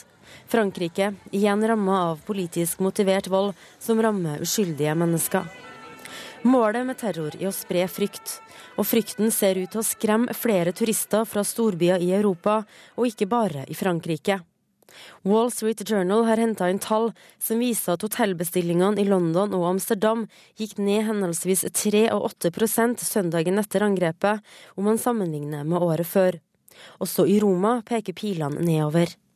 I tillegg skaper brexit økonomisk usikkerhet, og kuppforsøket i Tyrkia gjør at enda flere turister kvier seg for å besøke landet der turistnæringa allerede var ned i knestående etter flere terrorangrep den siste tida. Situasjonen gjør at en rekke europeiske flyselskap forbereder seg på å tape penger. Lufthansa spår lavere omsetning, og peker på gjentatte terrorangrep i Europa som en av grunnene. Også EasyJet og KLM tror terrorfrykt gjør at de får færre passasjerer i sommer. Men Norge skiller seg ut. Flyselskapet Norwegian sier til NTB at folk glemmer fort, og de merker lite til at nordmenn er redd for å reise på storbyferie i Europa. Allerede nå ser passasjertrafikken fra Oslo til NIS ut til å være tilbake til normalen. Utenlandske turister fortsetter også å reise til Norge. Ifølge tall fra Statistisk sentralbyrå ligger det an til at 2016 blir det tredje året på rad med nye rekorder i norsk reiseliv, og bransjen opplever få avbestillinger. Sa reporter Siv Sandvik. Massemordere og terrorister skal ikke lenger få den anerkjennelsen det er å pryde avisforsidene gang etter gang. Det er den nye linjen til flere franske medier, blant dem Le Monde. Direktør i eh, statlig fransk TV advarer imidlertid mot selvsensur.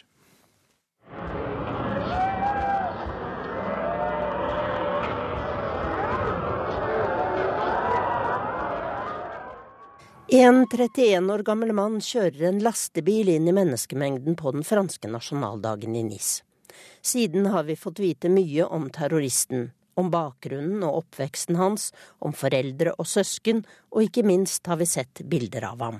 Når en prest blir drept i en kirke i Normandie, går det ikke lang tid før vi får vite at en av gjerningsmennene er en lokal tenåring.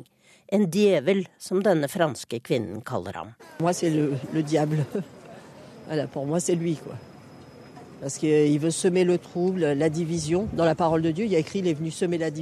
Mediene har en spesiell rolle i kampen mot terror. Og nå vil flere av de franske mediene la være å trykke bilder av terrorister og gjerningsmenn. Avisen Le Monde skriver på lederplass at de ikke lenger vil bygge opp under at terroristen blir forherliget etter sin død. Ifølge den britiske avisen The Guardian vil TV-stasjonen BFM-TV og den katolske avisen La Croix legge seg på samme redaksjonelle linje. Radiostasjonen Europe 1 sier at de ikke lenger vil bruke gjerningsmennenes navn. På spørsmål om ikke det er å holde tilbake informasjon, svarer redaktøren at han ikke holder tilbake opplysninger om hvor vedkommende kommer fra, miljøbakgrunn og om hans forhold til religion. Avisen Liberation melder at de vil vurdere i hvert enkelt tilfelle. Michel Field, nyhetsdirektør i statlig fransk TV, advarer på sin side mot tendensen til selvsensur. Han peker på plikten til å informere, og at det er borgernes rett å bli informert. Vi må motstå dette løpet mot selvsensur og vidløftige erklæringer, sier han. På strandpromenaden i Nis finner folket sine egne måter å unngå at terroristen blir forherliget og anerkjent etter sin død. I stedet for blomster kaster de søppel og spytter på asfalten.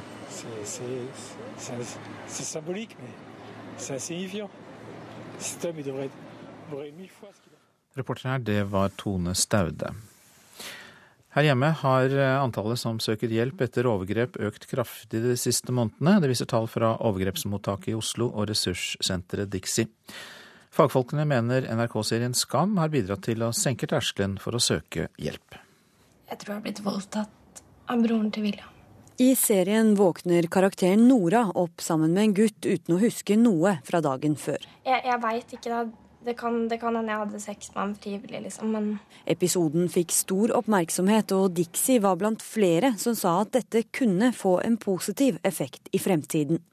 Og nå, i månedene etter, har ressurssenteret hatt en økning på 26% nye brukere sammenlignet med samme periode i fjor.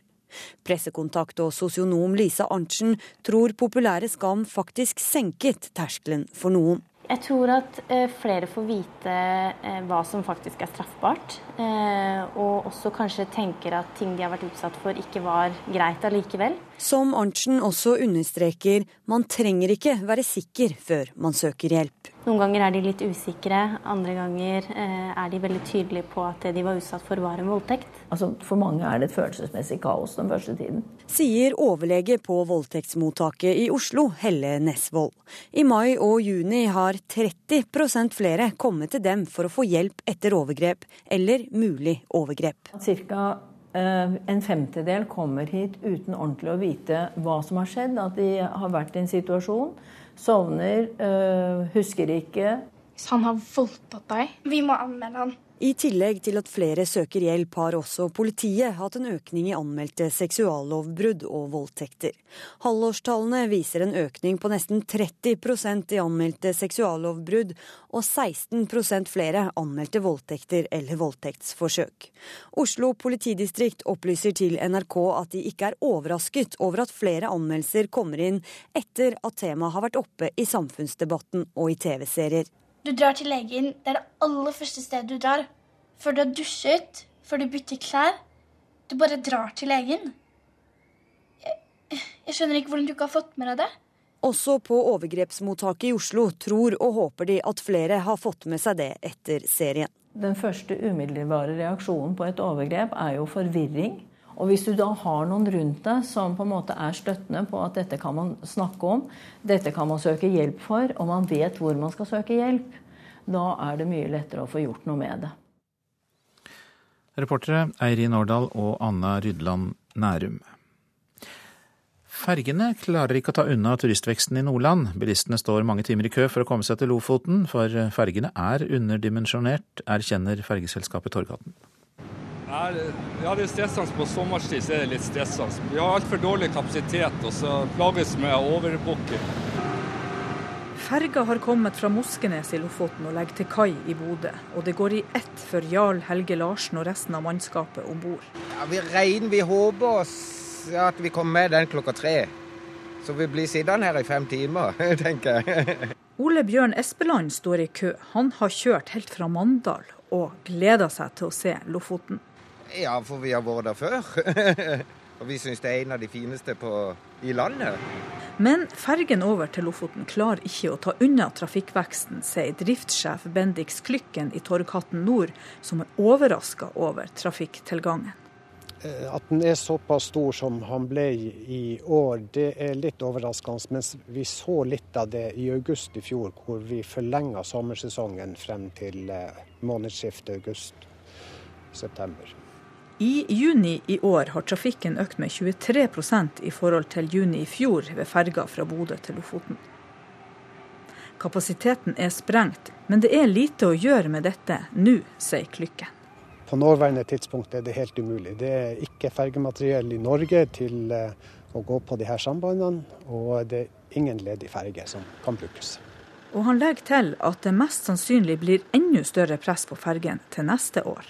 Så eh, vi skal nå ta det med oppdragsgiver, det her. Jeg har hørt at reiselivsbedriftene har sagt allerede i år at det er en eksplosiv utvikling til Lofoten. Så eh, det blir spennende neste år. Skulle du ønske at det var flere ferger, si? Ja, det skulle. I hvert fall i høysesongen nå. Og Vilde Bratland Eriksen og Monica Weit Martinsen var reportere her. Der er klokka 7.17. Vi har disse hovedsakene. Tusenvis av barn i krigsherjede land blir holdt i fangenskap uten lov og dom. Det viser en rapport fra Human Rights Watch. De mener at mange av barna blir torturert. Flere franske medier slutter å publisere bilder av terrorister. De vil ikke gi dem et offentlig ansikt. Avvis kynisme og frykt var Barack Obamas budskap på Demokratenes landsmøte, der han rettet meget hard kritikk i sin tale mot Donald Trump. Og tyrkiske myndigheter kommer til å stenge 16 TV-stasjoner og stanse 45 aviser. Vi får kommentar fra forfatterforeningen Penn International om få minutter. Først om at kvinnelige utøvere mangler på sommerens elektronikkfestivaler, og den skjeve kjønnsbalansen har skapt reaksjoner blant kvinner i bransjen, som mener festivalene må lete bedre etter damene. Sånn kan man sitte og holde på i mange timer. Anniken Jess Iversen sitter foran dataen og trykker iherdig på tastaturet. Under artistnavnet Anana har hun allerede gitt ut flere elektroniske låter. Men hun opplever det vanskeligere å lykkes fordi hun er kvinne. Gutter blir sett på som mer De har liksom mer teknologisk anlegg. Spesielt innenfor elektronisk musikk. Og da må du liksom bevise som kvinne at du faktisk klarer det. Du må være litt mer kvalifisert for å oppnå like mye som en mann. Og fraværet av kvinnelige artister på festivaler i den elektroniske sjangeren er markant. Noen av festivalene har så godt som ingen kvinner på programmet, og der kvinner er booket, er de få.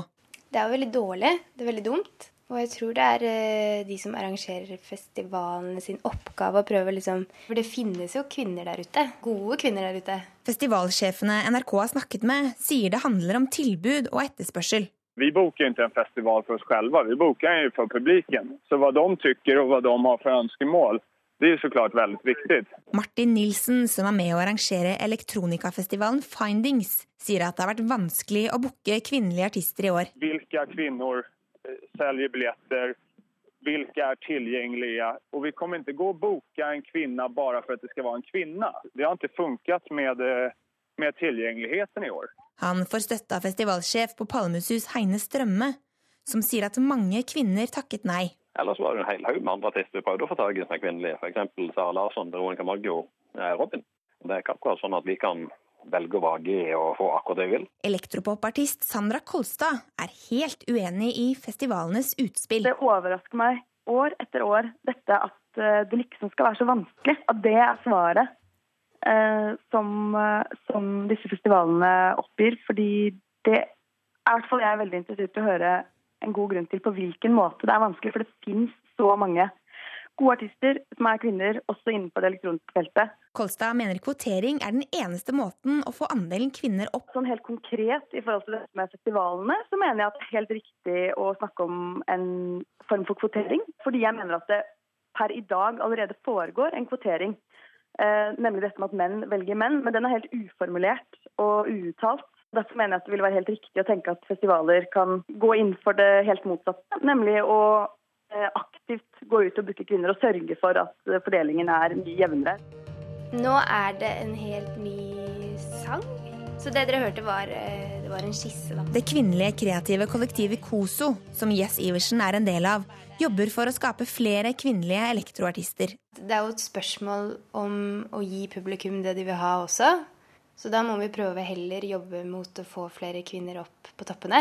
Marit Soldal, også kjent som DJ Soldal, forteller hvordan de selv prøver å gjøre noe med forskjellen. Vi har satt oss sammen og latt oss inspirere av hverandre og prøver å pushe ut eh, ja, nye artister og, og lære å produsere og forhåpentligvis kunne snu noe, da, ved å, ved å ta litt tak selv. Reportere Karoline Berge Hammersmark og Fredrik Brogeland Låke.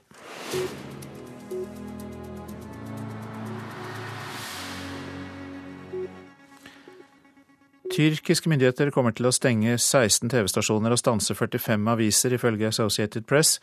Tidligere i uken ble 89 journalister varetektsfengslet. Slik reagerer myndighetene etter det mislykkede militærkuppet i landet. Eugen Skjolgin, velkommen hit. Takk skal du ha. Du er forfatter og visepresident i forfatterforeningen Penn International. Eh, beskriv situasjonen for tyrkiske journalister nå. Ja, den har jo lenge vært eh, ekstremt vanskelig, eh, og den har jo eksplodert de siste dagene etter denne, dette klossete kuppet, kuppforsøket. Dette har jo resultert i en nærmest umulig situasjon for nær sagt alle journalister i landet som ikke direkte støtter Erdogan. Og du har, jo, du har, jo, bodd i Tyrkia i over åtte år. Eh, hvilke utfordringer eh, får det for deg, altså helt konkret i ditt arbeid? Vil det også begrense din uh, mulighet til å jobbe? Nei, hittil har det ikke gjort det. Jeg har jo ikke vært tilknyttet noe, noe organ, altså noen avis, noe magasin osv. For meg så har ikke dette hittil i hvert fall betydd noe. Men det er klart at alle personer, uansett om de er tyrkere eller utlendinger, eh, løper risken å bli, om ikke annet så utvist. Utenriksminister Børge Brende uttrykte for noen dager siden i dette programmet sterk bekymring. Andre vestlige ledere har også gjort det. Hva bør gjøres for å presse Tyrkia? Det er veldig vanskelig spørsmål. for at som det ser ut akkurat nå, så sitter jo eh, Tayyip Erdogan med veldig mange kort på hånden. Eh, han har fått dette ulykkelige flyktningavtalen med, ulykksalige flyktningavtalen med, med, EU, som gjør at han kjenner seg rimelig sikker. Eh, men Tyrkia har alltid vært, og kommer alltid å forbli, ekstremt følsom overfor kritikk. Og han selv som person er også ekstremt følsom overfor kritikk. Han er jo nærmest paranoid når det gjelder eh, uttalelser som er kritiske til hans person. Og enhver kritikk er meningsfull, og presset må selvfølgelig eh, styrkes ytterligere. Reportere uten grenser eh, har en indeks over pressefrihet. Der har jo Tyrkia falt nedover i løpet av de siste årene. Nå er de rangert som land nummer 151 av totalt 180. Hva forteller det oss? Ja, Det forteller at uh, Tyrkia uh, har en dårligere uh, ytringsfrihets- og menneskerettighetsstatistikk enn de fleste afrikanske land, f.eks. Uh, latinamerikanske land. de er snart helt nede på bunn. må begynne å sammenligne seg med land som Nord-Korea osv. Dette er jo minst sagt skandaløst av et land som påstår at de er et demokrati. Men tror du at dette er en måte å konsolidere stillingen på for eh, Recep Tayyip Erdogan? At eh, man seinere igjen kan få en eh, bedre situasjon, mer pressefrihet og flere menneskerettigheter? Det har jeg liten tro på. Jeg tror at han er ute etter en, en, den totale makten. Dette kuppet var en julepresang til ham. Nå har han en gyldig unnskyldning for å kunne slå enda hårdere ned på sine motstandere enn før. En ting som mange ikke helt forstår, det er jo at uh, Recep Tayyip Erdogan har utpekt predikanten Fethullah Gülen, som bor i USA, som mannen bak kuppet. Hva er bakgrunnen for at en islamsk predikant utpekes, utpekes som syndebukk av en islamsktroende president? Ja, det kom, for det første må vi huske på at de to herrene var eh, nær forbundet med hverandre helt fram til Erdogan innså at Gülen var en hindring for hans totale maktovertagelse. I det øyeblikk ble han hans bitreste fiende. Eh, hva Gülen har gjort? Han har satset ikke minst på utdannelse i landet. Han har innsett hvor dårlig det står til. Og eh, i Erdogans eh, politiske program så er definitivt ikke oppgradering av utdannelsessystemet eh, på dagsordenen. Du har vært med å arrangere pennsamlinger i Istanbul. Hva tror du om mulighetene til å gjøre det flere ganger? Ja, det, altså Vi har jo blitt eh, sensurert og stoppet. Eh, ikke bare vi, men også andre opp gjennom årene, også lenge før Erdogans tid. Dette er en tradisjon i Tyrkia, at man slår ned på mennesker som slåss for ytringsfrihet. Men eh, hittil har det gått bra. Jeg deltok i en ytringsfrihetsdemonstrasjon i Diyarbakir i april. Eh, der kom det til dels meget sterke uttalelser. Eh, det fikk ingen følger. Det er veldig adhoc. Veldig tilfeldig hvem det er de slår ned på ikke. Du drar tilbake? Selvfølgelig. Mange takk skal du ha for at du kom til oss, Eugen eh, Skjolgin, som altså er forfatter og visepresident i forfatterforeningen Penn International. Takk skal du ha. I morgen er det verdenspremiere på den eh, femte filmen i Jason Bourne-serien. Dette er den fjerde med Matt Damon i hovedrollen siden han sto over forrige film. NRKs kritiker Birger Vestmo sier at eh, Damon gjør et velkomment comeback i den nye filmen, som rett og slett heter Jason Bourne. Jesus Christ, that's Jason Bourne. Why would he come back now? Matt Damon gjør et velkomment comeback som Jason Bourne i filmen som heter det samme som figuren.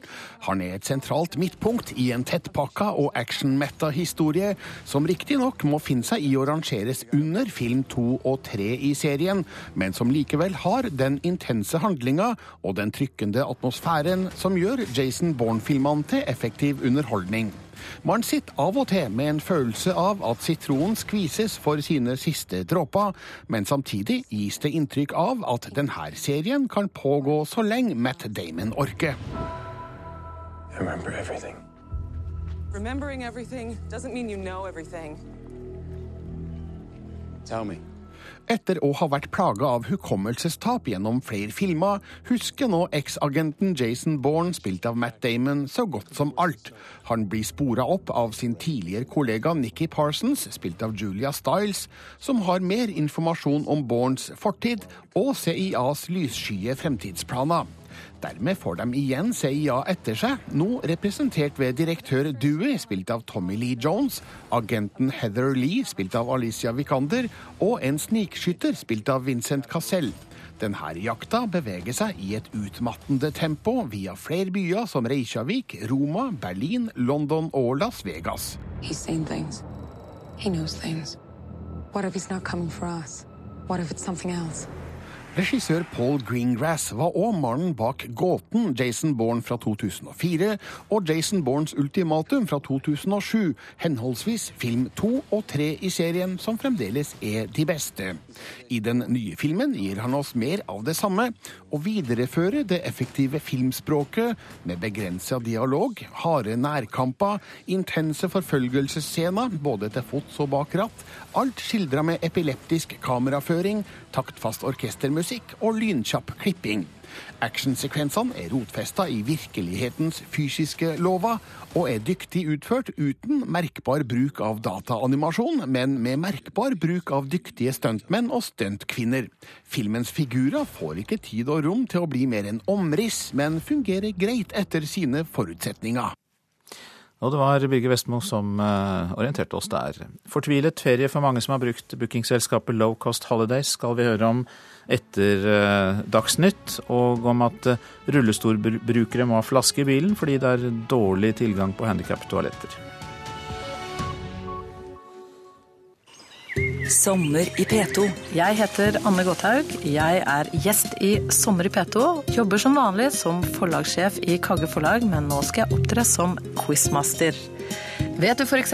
om Alf Prøysen ville ut i skauen eller opp i skauen i Blåbærvisa? Sommer i P2. I dag klokken ti.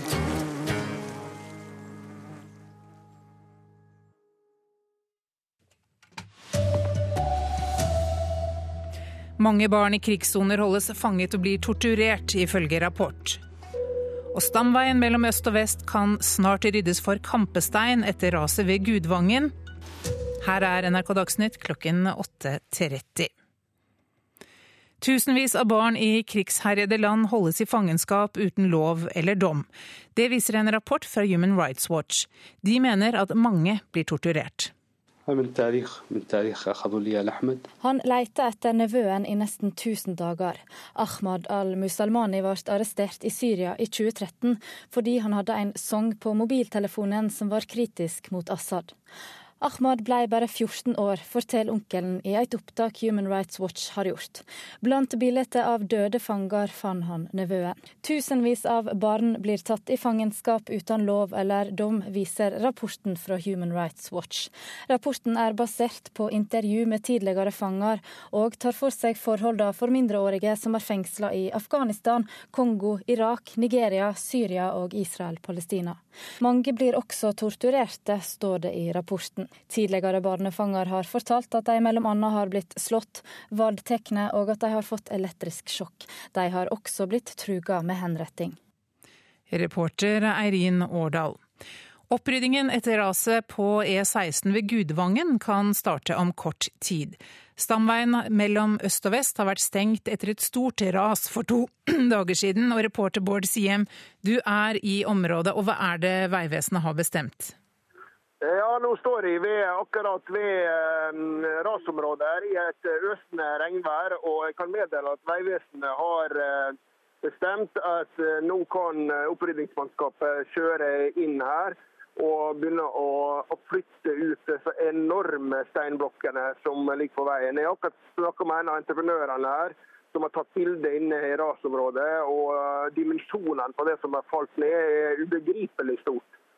Hvor eh, lang tid kommer opprydningsarbeidet til å ta?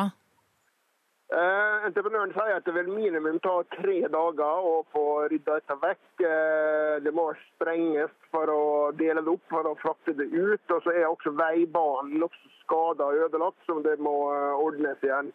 Så minimum tre dager, sier han her nå. Takk skal du ha, Bård Siem ved Gudvangen. Flere søker hjelp etter å ha blitt utsatt for overgrep. Både overgrepsmottakene i Oslo og ressurssenteret Dixie har hatt en sterk økning i pågangen de siste månedene. Fagfolkene tror NRK-suksessen Skam har bidratt til å senke terskelen ved å ta opp temaer som overgrep og voldtekt. NRK Dagsnytt, Marit Selmer Nedrelid.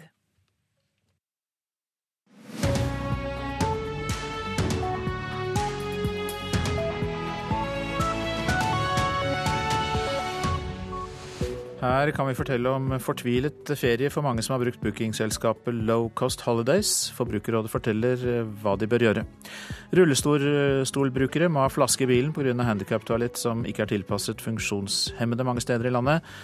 Mange frakter sykler så bremselys og blinklys eh, på bilen blir skjult. Det er trafikkfarlig, mener Statens vegvesen. Og styrkesjefen på den norske redningsskøyta i Middelhavet, Svein Valle, er vår sommergjest. Han er hjemme etter å ha reddet tusenvis av migranter.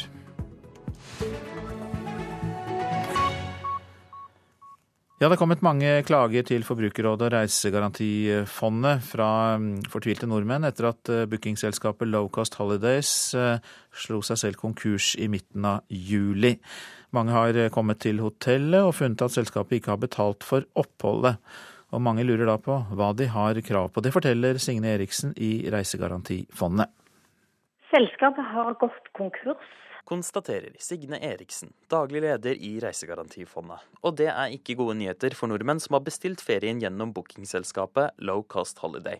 Mange hadde forhåndsbetalt ferien, kommet til hotellet i god tro på at alt var i orden, men så sier hotellet at de ikke har fått pengene sine fra Low Cost Holiday, og så ber hotellet om å få hele regningen på oppholdet betalt én gang til. Reisegarantifondet har fått over 70 henvendelser fra nordmenn som nå ikke vet hva de skal gjøre så begynte telefonen å ringe med en gang, og vi har fått eh, mye e-poster. Hva er det folk sier? Da er det jo først og fremst eh, de som da skulle ut og reise neste dag, var spørsmålet hva skal vi gjøre nå? Andre igjen da satt på et hotell og kom til hotellet, og, og hvor eh, hotellet da ga beskjed om at de hadde kansellert bestillingen for det at de ikke hadde fått oppgjør fra Low Cost Holiday. De fleste som har ringt, har jo òg vært i en situasjon hvor de som de fleste ikke har ubegrensa midler, og hvor de da eh, vegrer seg for å betale en gang til, eh, når de ikke da er sikre på når de eventuelt får pengene igjen. Low Cost Holiday flyttet i 2014 firmaet til Mallorca og knyttet seg til den lokale, mindre strenge reisegarantiordningen der. På nettsidene opplyser de nå ulike måter kunder kan få pengene tilbake, men konkurser som denne dekkes som regel ikke av norske reiseforsikringer. Og Eriksen mener saken viser hvor viktig det er å betale med kredittkort på nett. Det er så viktig fordi at da er du garantert enten å få den tjenesten du har kjøpt, eller at du får pengene dine igjen. Reporter var Martin eh, Holvik. Eh, og vi gir oss ikke med dette. Vi har fått besøk av kommunikasjonsrådgiver i Forbrukerrådet, Martin Skau Halsos. Velkommen. Takk. Ja, Hvor mange klager har dere fått i denne saken? Ja, Vi har fått inn en eh, god del siden vi fikk melding om at Low Cost Travel hadde gått konkurs. Eh, til sammen er det oppe i 50 eh, spørsmål. Eh, halvparten er kommet til Forbrukerrådet, den andre halvpart til noe som heter Forbruker Europa, som hjelper folk som har kjøpt en tjeneste i et annet EU-EØS-land. Men så hørte vi her litt om hva folk kan gjøre for å få tilbake pengene sine. Hva er din anbefaling? Ja, eh, Min anbefaling er at eh, man tar eh, i dette tilfellet kontakt med kredittkortselskapet sitt. Hvis man har brukt det, så vil man kunne få dekket det ekstrakostnaden man har ved å måtte betale for hotell der nede. Men Er det da sånn at kredittkortselskapet betaler ut til kredittkortbrukeren, selv om de har betalt ut penger til selskapet tidligere?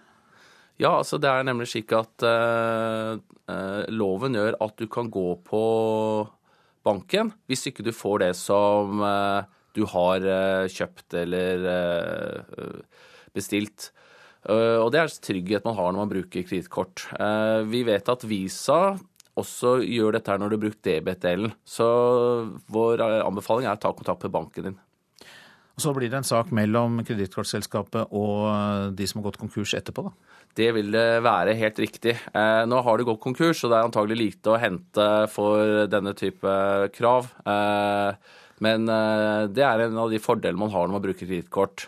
Ulempen er selvfølgelig at betaler man ikke, regningene kommer, så kan det fort bli veldig dyrt.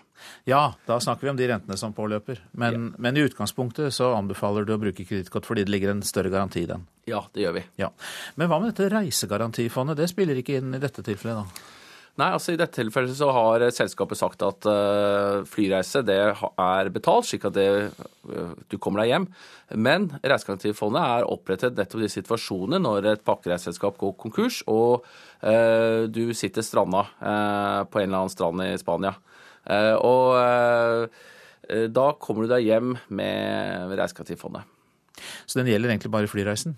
Helt riktig, det gjelder bare flyreisen. Og eh, slik med Reisegarantifondet, så er det jo de selskapene som er i Norge som eh, blir dekket av den. I dette tilfellet er det jo et spansk selskap. Så er det spansk reisegarantifond som skulle ha hjulpet deg hvis det ikke hadde kommet frem. Ok, Så da kunne man heller ikke brukt det norske i dette tilfellet? Helt riktig. Takk for at du opplyser oss om eh, dette, kommunikasjonsrådgiver i Forbrukerrådet, Martin Skau Halsos. Så skal vi til uh, reiser langs veiene våre for rullestolbrukere, for det er ikke alltid like enkelt. De, noen av dem tar med seg flaske i bilen pga. dårlige handikap-toalett. Og bare i Sogn og Fjordane er det i underkant av 30 toaletter som har tilpasning til funksjonshemmede. Og uh, selv disse, som altså har det, er ikke så enkle å bruke. Da er jo løsninga å ha med seg flasker og, og utstyr og så passe på at den gangen man kommer borti det, at man får tømme alt. Da kan du jo prise deg lykkelig for at du er kar, da. For det er jo ikke alle som har den så tilgjengelig. Nei, det er jo klart at det, det kan jo bli litt ufyselig å sitte der med trakt og, og det ene med det andre. Nei, det unner ikke noen. Jan Helge Oksolen sitter i rullestol og har tidligere vært med i fylkeskommunalt råd for funksjonshemma. Han har erfart at kvaliteten på handikaptoaletter ofte kan være et vel så stort problem som tallet på dem. Det som ofte skorter på, det enten å komme til døra, eller når du har kommet inn for døra, og i hele tatt orienterer deg. Ofte dårlig lys. Det er dårlige vaskerutiner. Der burde det vært noen som holdt litt bedre oversyn med det toalettene og alt dette der er jo av stål. Ramler du der og får deg en sleng i panna, så eh, blir du værende en stund. Nestleder i Norges Handikapforbund region nordvest, Solfrid Fossberg, syns toalettilbudet i dag er for dårlig både for handikappa og andre.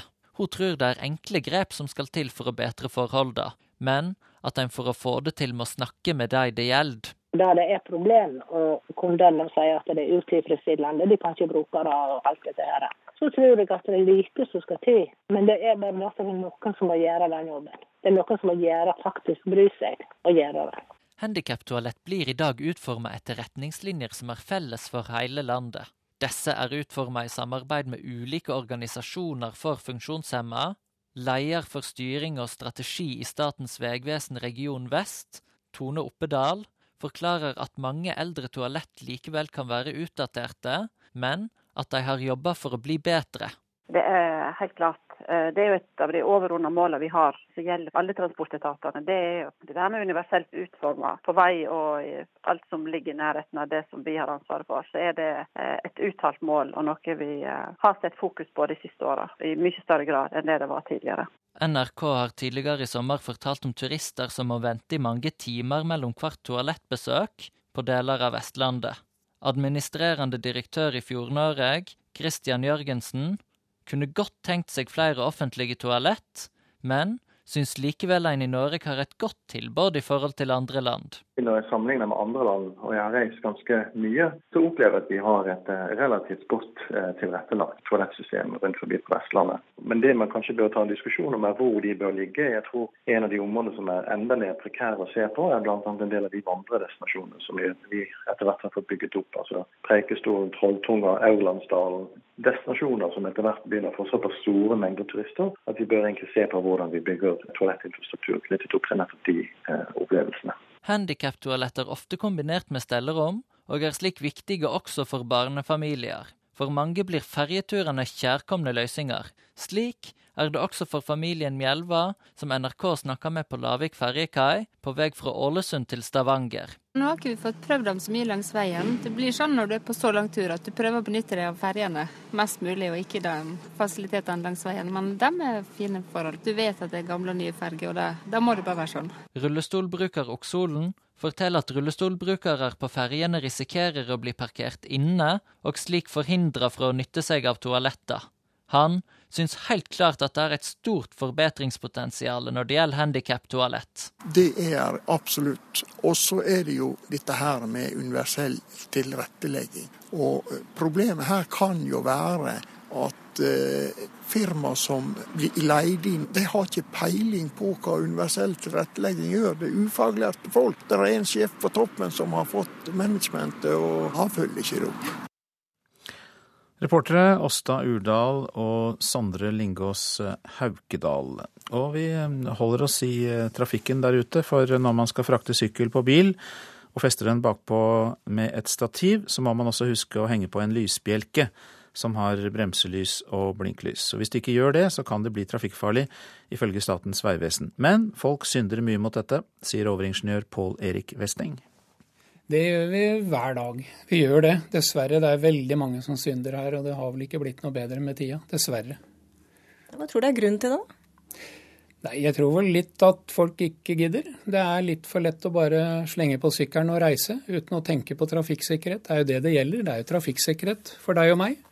Så det er det vi er opptatt av. Og da går det vel litt fort, og så bare slenger vi på syklene og kjører.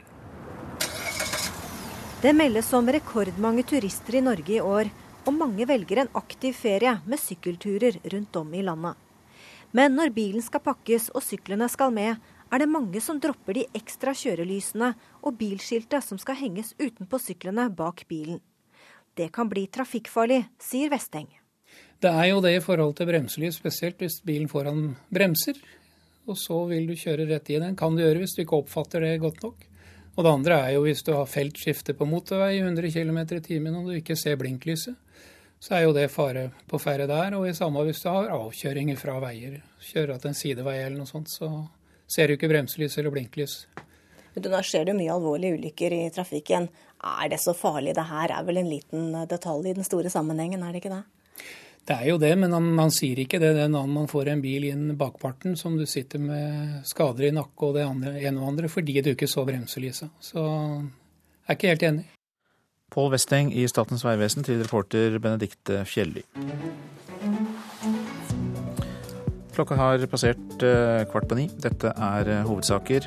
Tusenvis av barn i krigsherjede land blir holdt i fangenskap uten lov og dom. Det viser en rapport fra Human Rights Watch, og de mener at mange av barna blir torturert. Flere franske medier slutter å publisere bilder av terrorister. De vil ikke gi dem et offentlig ansikt. NRK-serien Skam har bidratt til å senke terskelen for å søke hjelp etter overgrep. Det tror eh, flere forskere. Og styrkesjefen på den norske redningsskøyta i Middelhavet, som prøver å redde migranter, er vår eh, sommergjest. Svein Valle heter han. Men før eh, han får ordet, så skal vi høre at rekordmange nye studenter gjør kampen om studentboliger tøffere enn før. Bygg mer, krever leder i Norsk studentorganisasjon NSO, Marianne Andenes. Vi mener at studentboliger er et godt alternativ. Det er et rimelig og trygt boalternativ for studentene, og ønsker selvfølgelig at det bygges fler. Og per dags dato så mangler det ca. 13 000 boliger for å nå Norsk studentorganisasjon sitt mål om at 20% skal ha mulighet til å bo i studentbolig. Og vi krever derfor at regjeringen legger inn 3000 studentboliger i høstens budsjett. Er det en tanke å legge det litt mer utenfor bykjernen? Der er det jo billigere å bygge og bedre plass? Det er allerede ganske mange studentbyer og studentboliger som er utenfor sentrum. Og det som da er viktig, er jo at man har f.eks. gode transportmuligheter til campus og også til sentrum. Eh, men også vår oppfordring er jo at kommunene må legge til rette eh, F.eks. med boliger, nei, med tomter, eh, sånn at det faktisk er mulighet for samskipnadene å bygge boliger rimelig. Da. Og det er, det, det er, nettopp sånn at hvis det ikke er noe prosjekt klart, eller ikke er en tomt der, så vil heller ikke en samskipnad få tilskudd. Derfor er det veldig viktig at eh, kommunen også kommer på banen. Og så mener jo Leieboerforeningen at Airbnb-systemet kan være et problem, fordi eh, korttidsleie da eh, da blir mer bruk av det framfor langtidsleie til studenter. Ser du på det som et problem også? Det som vi ser på som utfordrende, er jo allerede at studentene er i en veldig en måte, presset eh, økonomisk situasjon, og ikke minst den vanskelig, den vanskelig det er vanskelig for studentene generelt å finne bolig. Og det vi er bekymret for, er jo at boliger som kunne blitt leid ut til studenter, nå på en måte går inn til korttidsleie istedenfor. Mens vi har deg her, så har vi også tidligere i sendingen snakket om glasstaket. Altså mm, det at uh det er eh, vanskelig for kvinner å bryte gjennom i politikken i USA og en del eh, andre steder. Men når det gjelder kvinneandelen på studiene, så er det definitivt brutt. Og dere er vel litt bekymret for at det kanskje er eh, etter hvert for mange kvinner på enkelte studier? Det Vi er, vi syns jo det er kjempepositivt at kvinner har på en måte inntatt høyere utdanning sånn som de har gjort. Men det som har vært litt trend de siste årene, er jo at typisk studier hvor det er veldig høye opptakskrav, eh, f.eks. medisin, juss, psykologi, tannlege, der har det vært veldig, veldig høye opptakskrav. Og der ser man at gutta ikke når helt opp. Så der er det jo ikke snakk om at man mangler eh, mannlige søkere. Eh, og det vi syns er veldig viktig, er jo at uh, utdanningsinstitusjonene evaluerer uh, kjønnsbalansen på studiene, og ut fra på en måte det grunnlaget vurderer hvilken tiltaksplan de må sette i gang. Og hvis det er sånn at uh, det er dårlig kjønnsbalanse pga. dette med veldig høye opptakskrav, så mener vi at man må vurdere f.eks. kvoteringstiltak. Vil ikke det være et nederlag for kvinnekampen å ha omvendt kvotering da, for å få gutta inn? Det er det som man ser både i arbeidslivet og også i studentmiljøene, er at eh, det rapporteres om at man ønsker en god kjønnsbalanse. At det er et gode på en måte for arbeidsmiljøet. Og så må vi også tenke at det er, et gode for samfunnet. Vi trenger både kvinnelige og mannlige leger, psykologer, tannleger osv. Så, videre. så her er det på en måte både en gevinst for samfunnet og for det studiemiljøet at man faktisk sikrer en god kjønnsbalanse. Vi kan også gripe fatt i noe som eh, Civita-leder og tidligere utdanningsminister Kristin Clemet sa denne uken. Eh, at eh, andre utdanningsveier enn høyere akademisk utdanning blir sett på som B-løsninger. Hun nevnte for Klassekampen at hun ville snakke varmt om fagskoler som alternativ til universitet. I det store bildet når det gjelder utdanning i Norge, har hun et poeng her? Det som hun har rett i, er at vi må sikre en bredde av kompetanse i samfunnet vårt. Og spesielt fordi vi er en prosess med, med stadig omstilling, eller behov for omstilling. og for oss så er det ikke et mål at alle skal ta høyere utdanning, men det er et mål om at vi skal ha en bredde i den kompetansen vi har i samfunnet. Og derfor så, så, så er vi veldig opptatt av fagskolene og det tilbudet de på en måte har, da, eh, som på en måte en videreutdanning og en erfaringsbasert kunnskap. Eh, og vi er også opptatt av at fagskolestudentene i større grad skal få rettigheter på lik linje som eh, studenter i høyere utdanning, f.eks.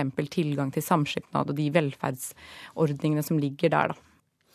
Marianne Andenes var det, leder i Norsk studentorganisasjon.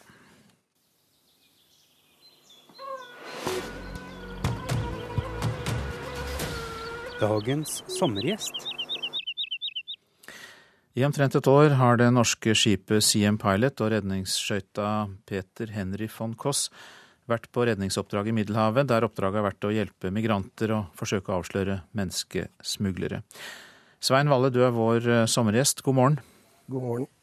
Du har nettopp kommet hjem etter tredje periode som styrkesjef på denne redningsskøyta utenfor kysten av Hellas. Eh, hvordan har arbeidet vært? Nei, For meg eh, personlig så har det vært veldig spesielt. Det er noe vi aldri har opplevd før. Det blir det blir veldig vanskelig å, å, egentlig forklare det uten å ha vært der sjøl og sett det med egne øyne.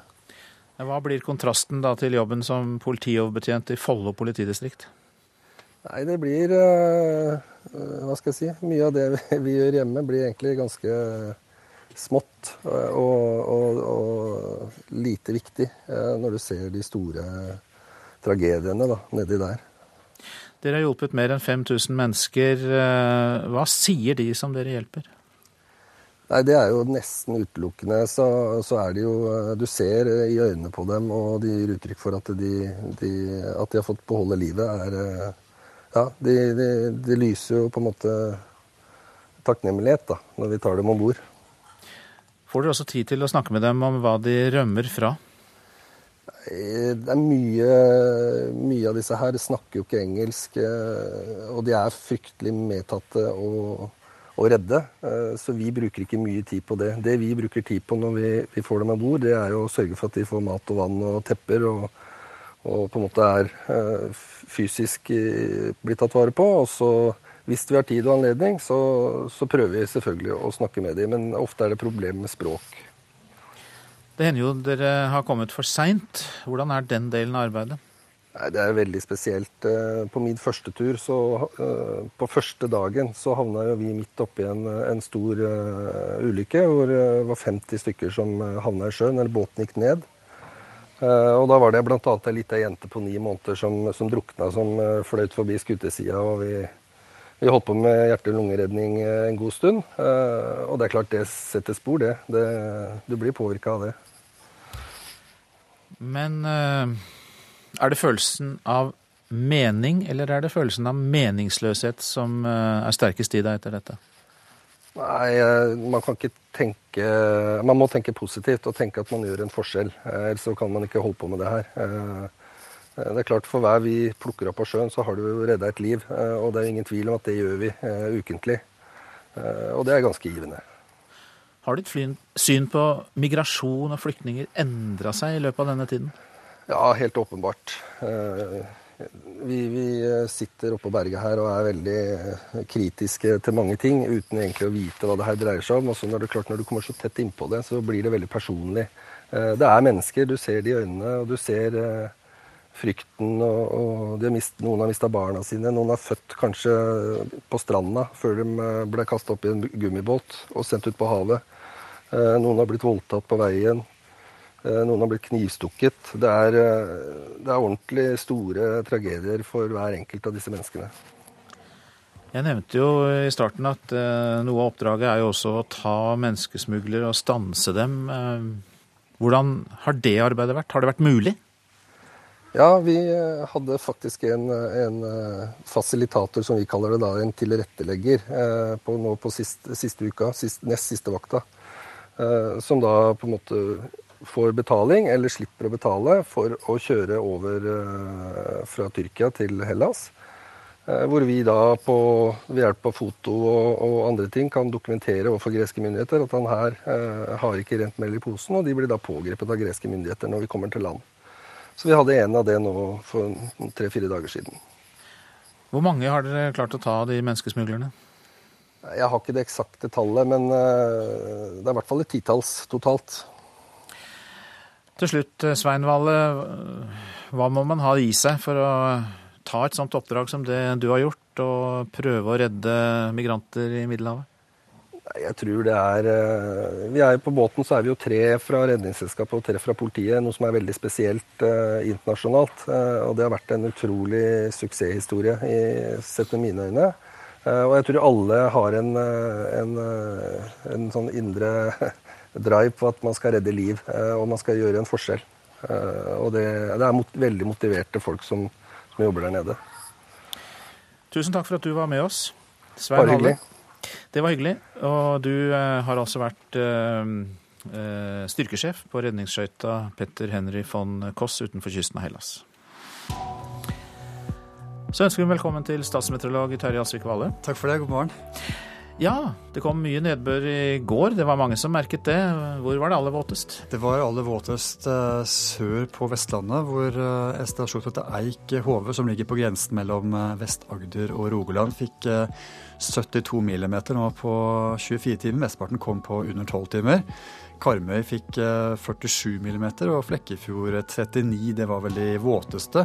Men det er også andre steder som fikk mye nedbør. Gamvik i Finnmark fikk 27, og Halden i Østfold fikk 22 mm nå det siste døgnet. Hvor kom alt dette vannet fra? Kom fra oven, da, fra skyene. så, så har det gått, bort, har gått bortover òg, da? ja, det har det. Så det kom eh, vest fra det meste av det. Det er kommet inn fra, ja, fra Nordsjøen og sånn, og så har det falt ned på særlig Vestlandet. Okay. Men også mange andre fikk da føle nedbør nå det siste døgnet. Blir det fint vær for noen i dag? Eh, ja, det gjør det for så vidt. Det blir absolutt bedre i dag her østafjells f.eks. Fra ja, særlig så Kristiansand opp mot Mjøsa så blir det en del sol eh, senere i dag, og temperatur opp mot rundt 20 eh, grader en god del steder. Også Nordland får se solen i hvert fall deler av tiden, og også her rundt 20 eh, grader mange steder i fylket. Kan du si at Brønnøysund er varmest i landet nå klokken åtte, med faktisk 20 grader allerede. Men eh, også da østafjells eh, f.eks. vil se temperaturer på, på 20-tallet flest i ettermiddagstimene. Det vil også dag regne en del på Vestlandet sør for Stad, så det blir ikke noe oppholdsvær i dag heller, men i hvert fall ikke så vått som det var i går. Men eh, byger vil forekomme der. Og så byger da så kommer nordover mot Nordland siste halvpart av dagen dag. Så det er et lite nedbør over Troms og Finnmark. Oppholdsvær stort sett på Spitsbergen. Og sagt da gode solsjanser her i sørøst, mens Vestlandet fortsatt må slite med byger som gjelder Midt-Norge, med lokale byger blant med litt sol der. Ja, men dette, disse tropetemperaturene de kommer ikke tilbake? De kommer ikke tilbake først. Jeg tror vi må nøye oss med rundt 20 eller i overkant av 20 på det varmeste. Men sånn 25 og sånn, det ser vi ikke for oss nå de første dagene. Det gjør vi ikke. Ok da. Terje Alsvik Valle, takk skal eh, du ha. Ja, det er et eh, team bak eh, sendingen. I dag så har den ansvarlige vært Arne Fossland, produsent eh, Amalie Frøystad Nærø, teknisk ansvarlig Eli Kyrkjebø og i studio Øystein Heggen.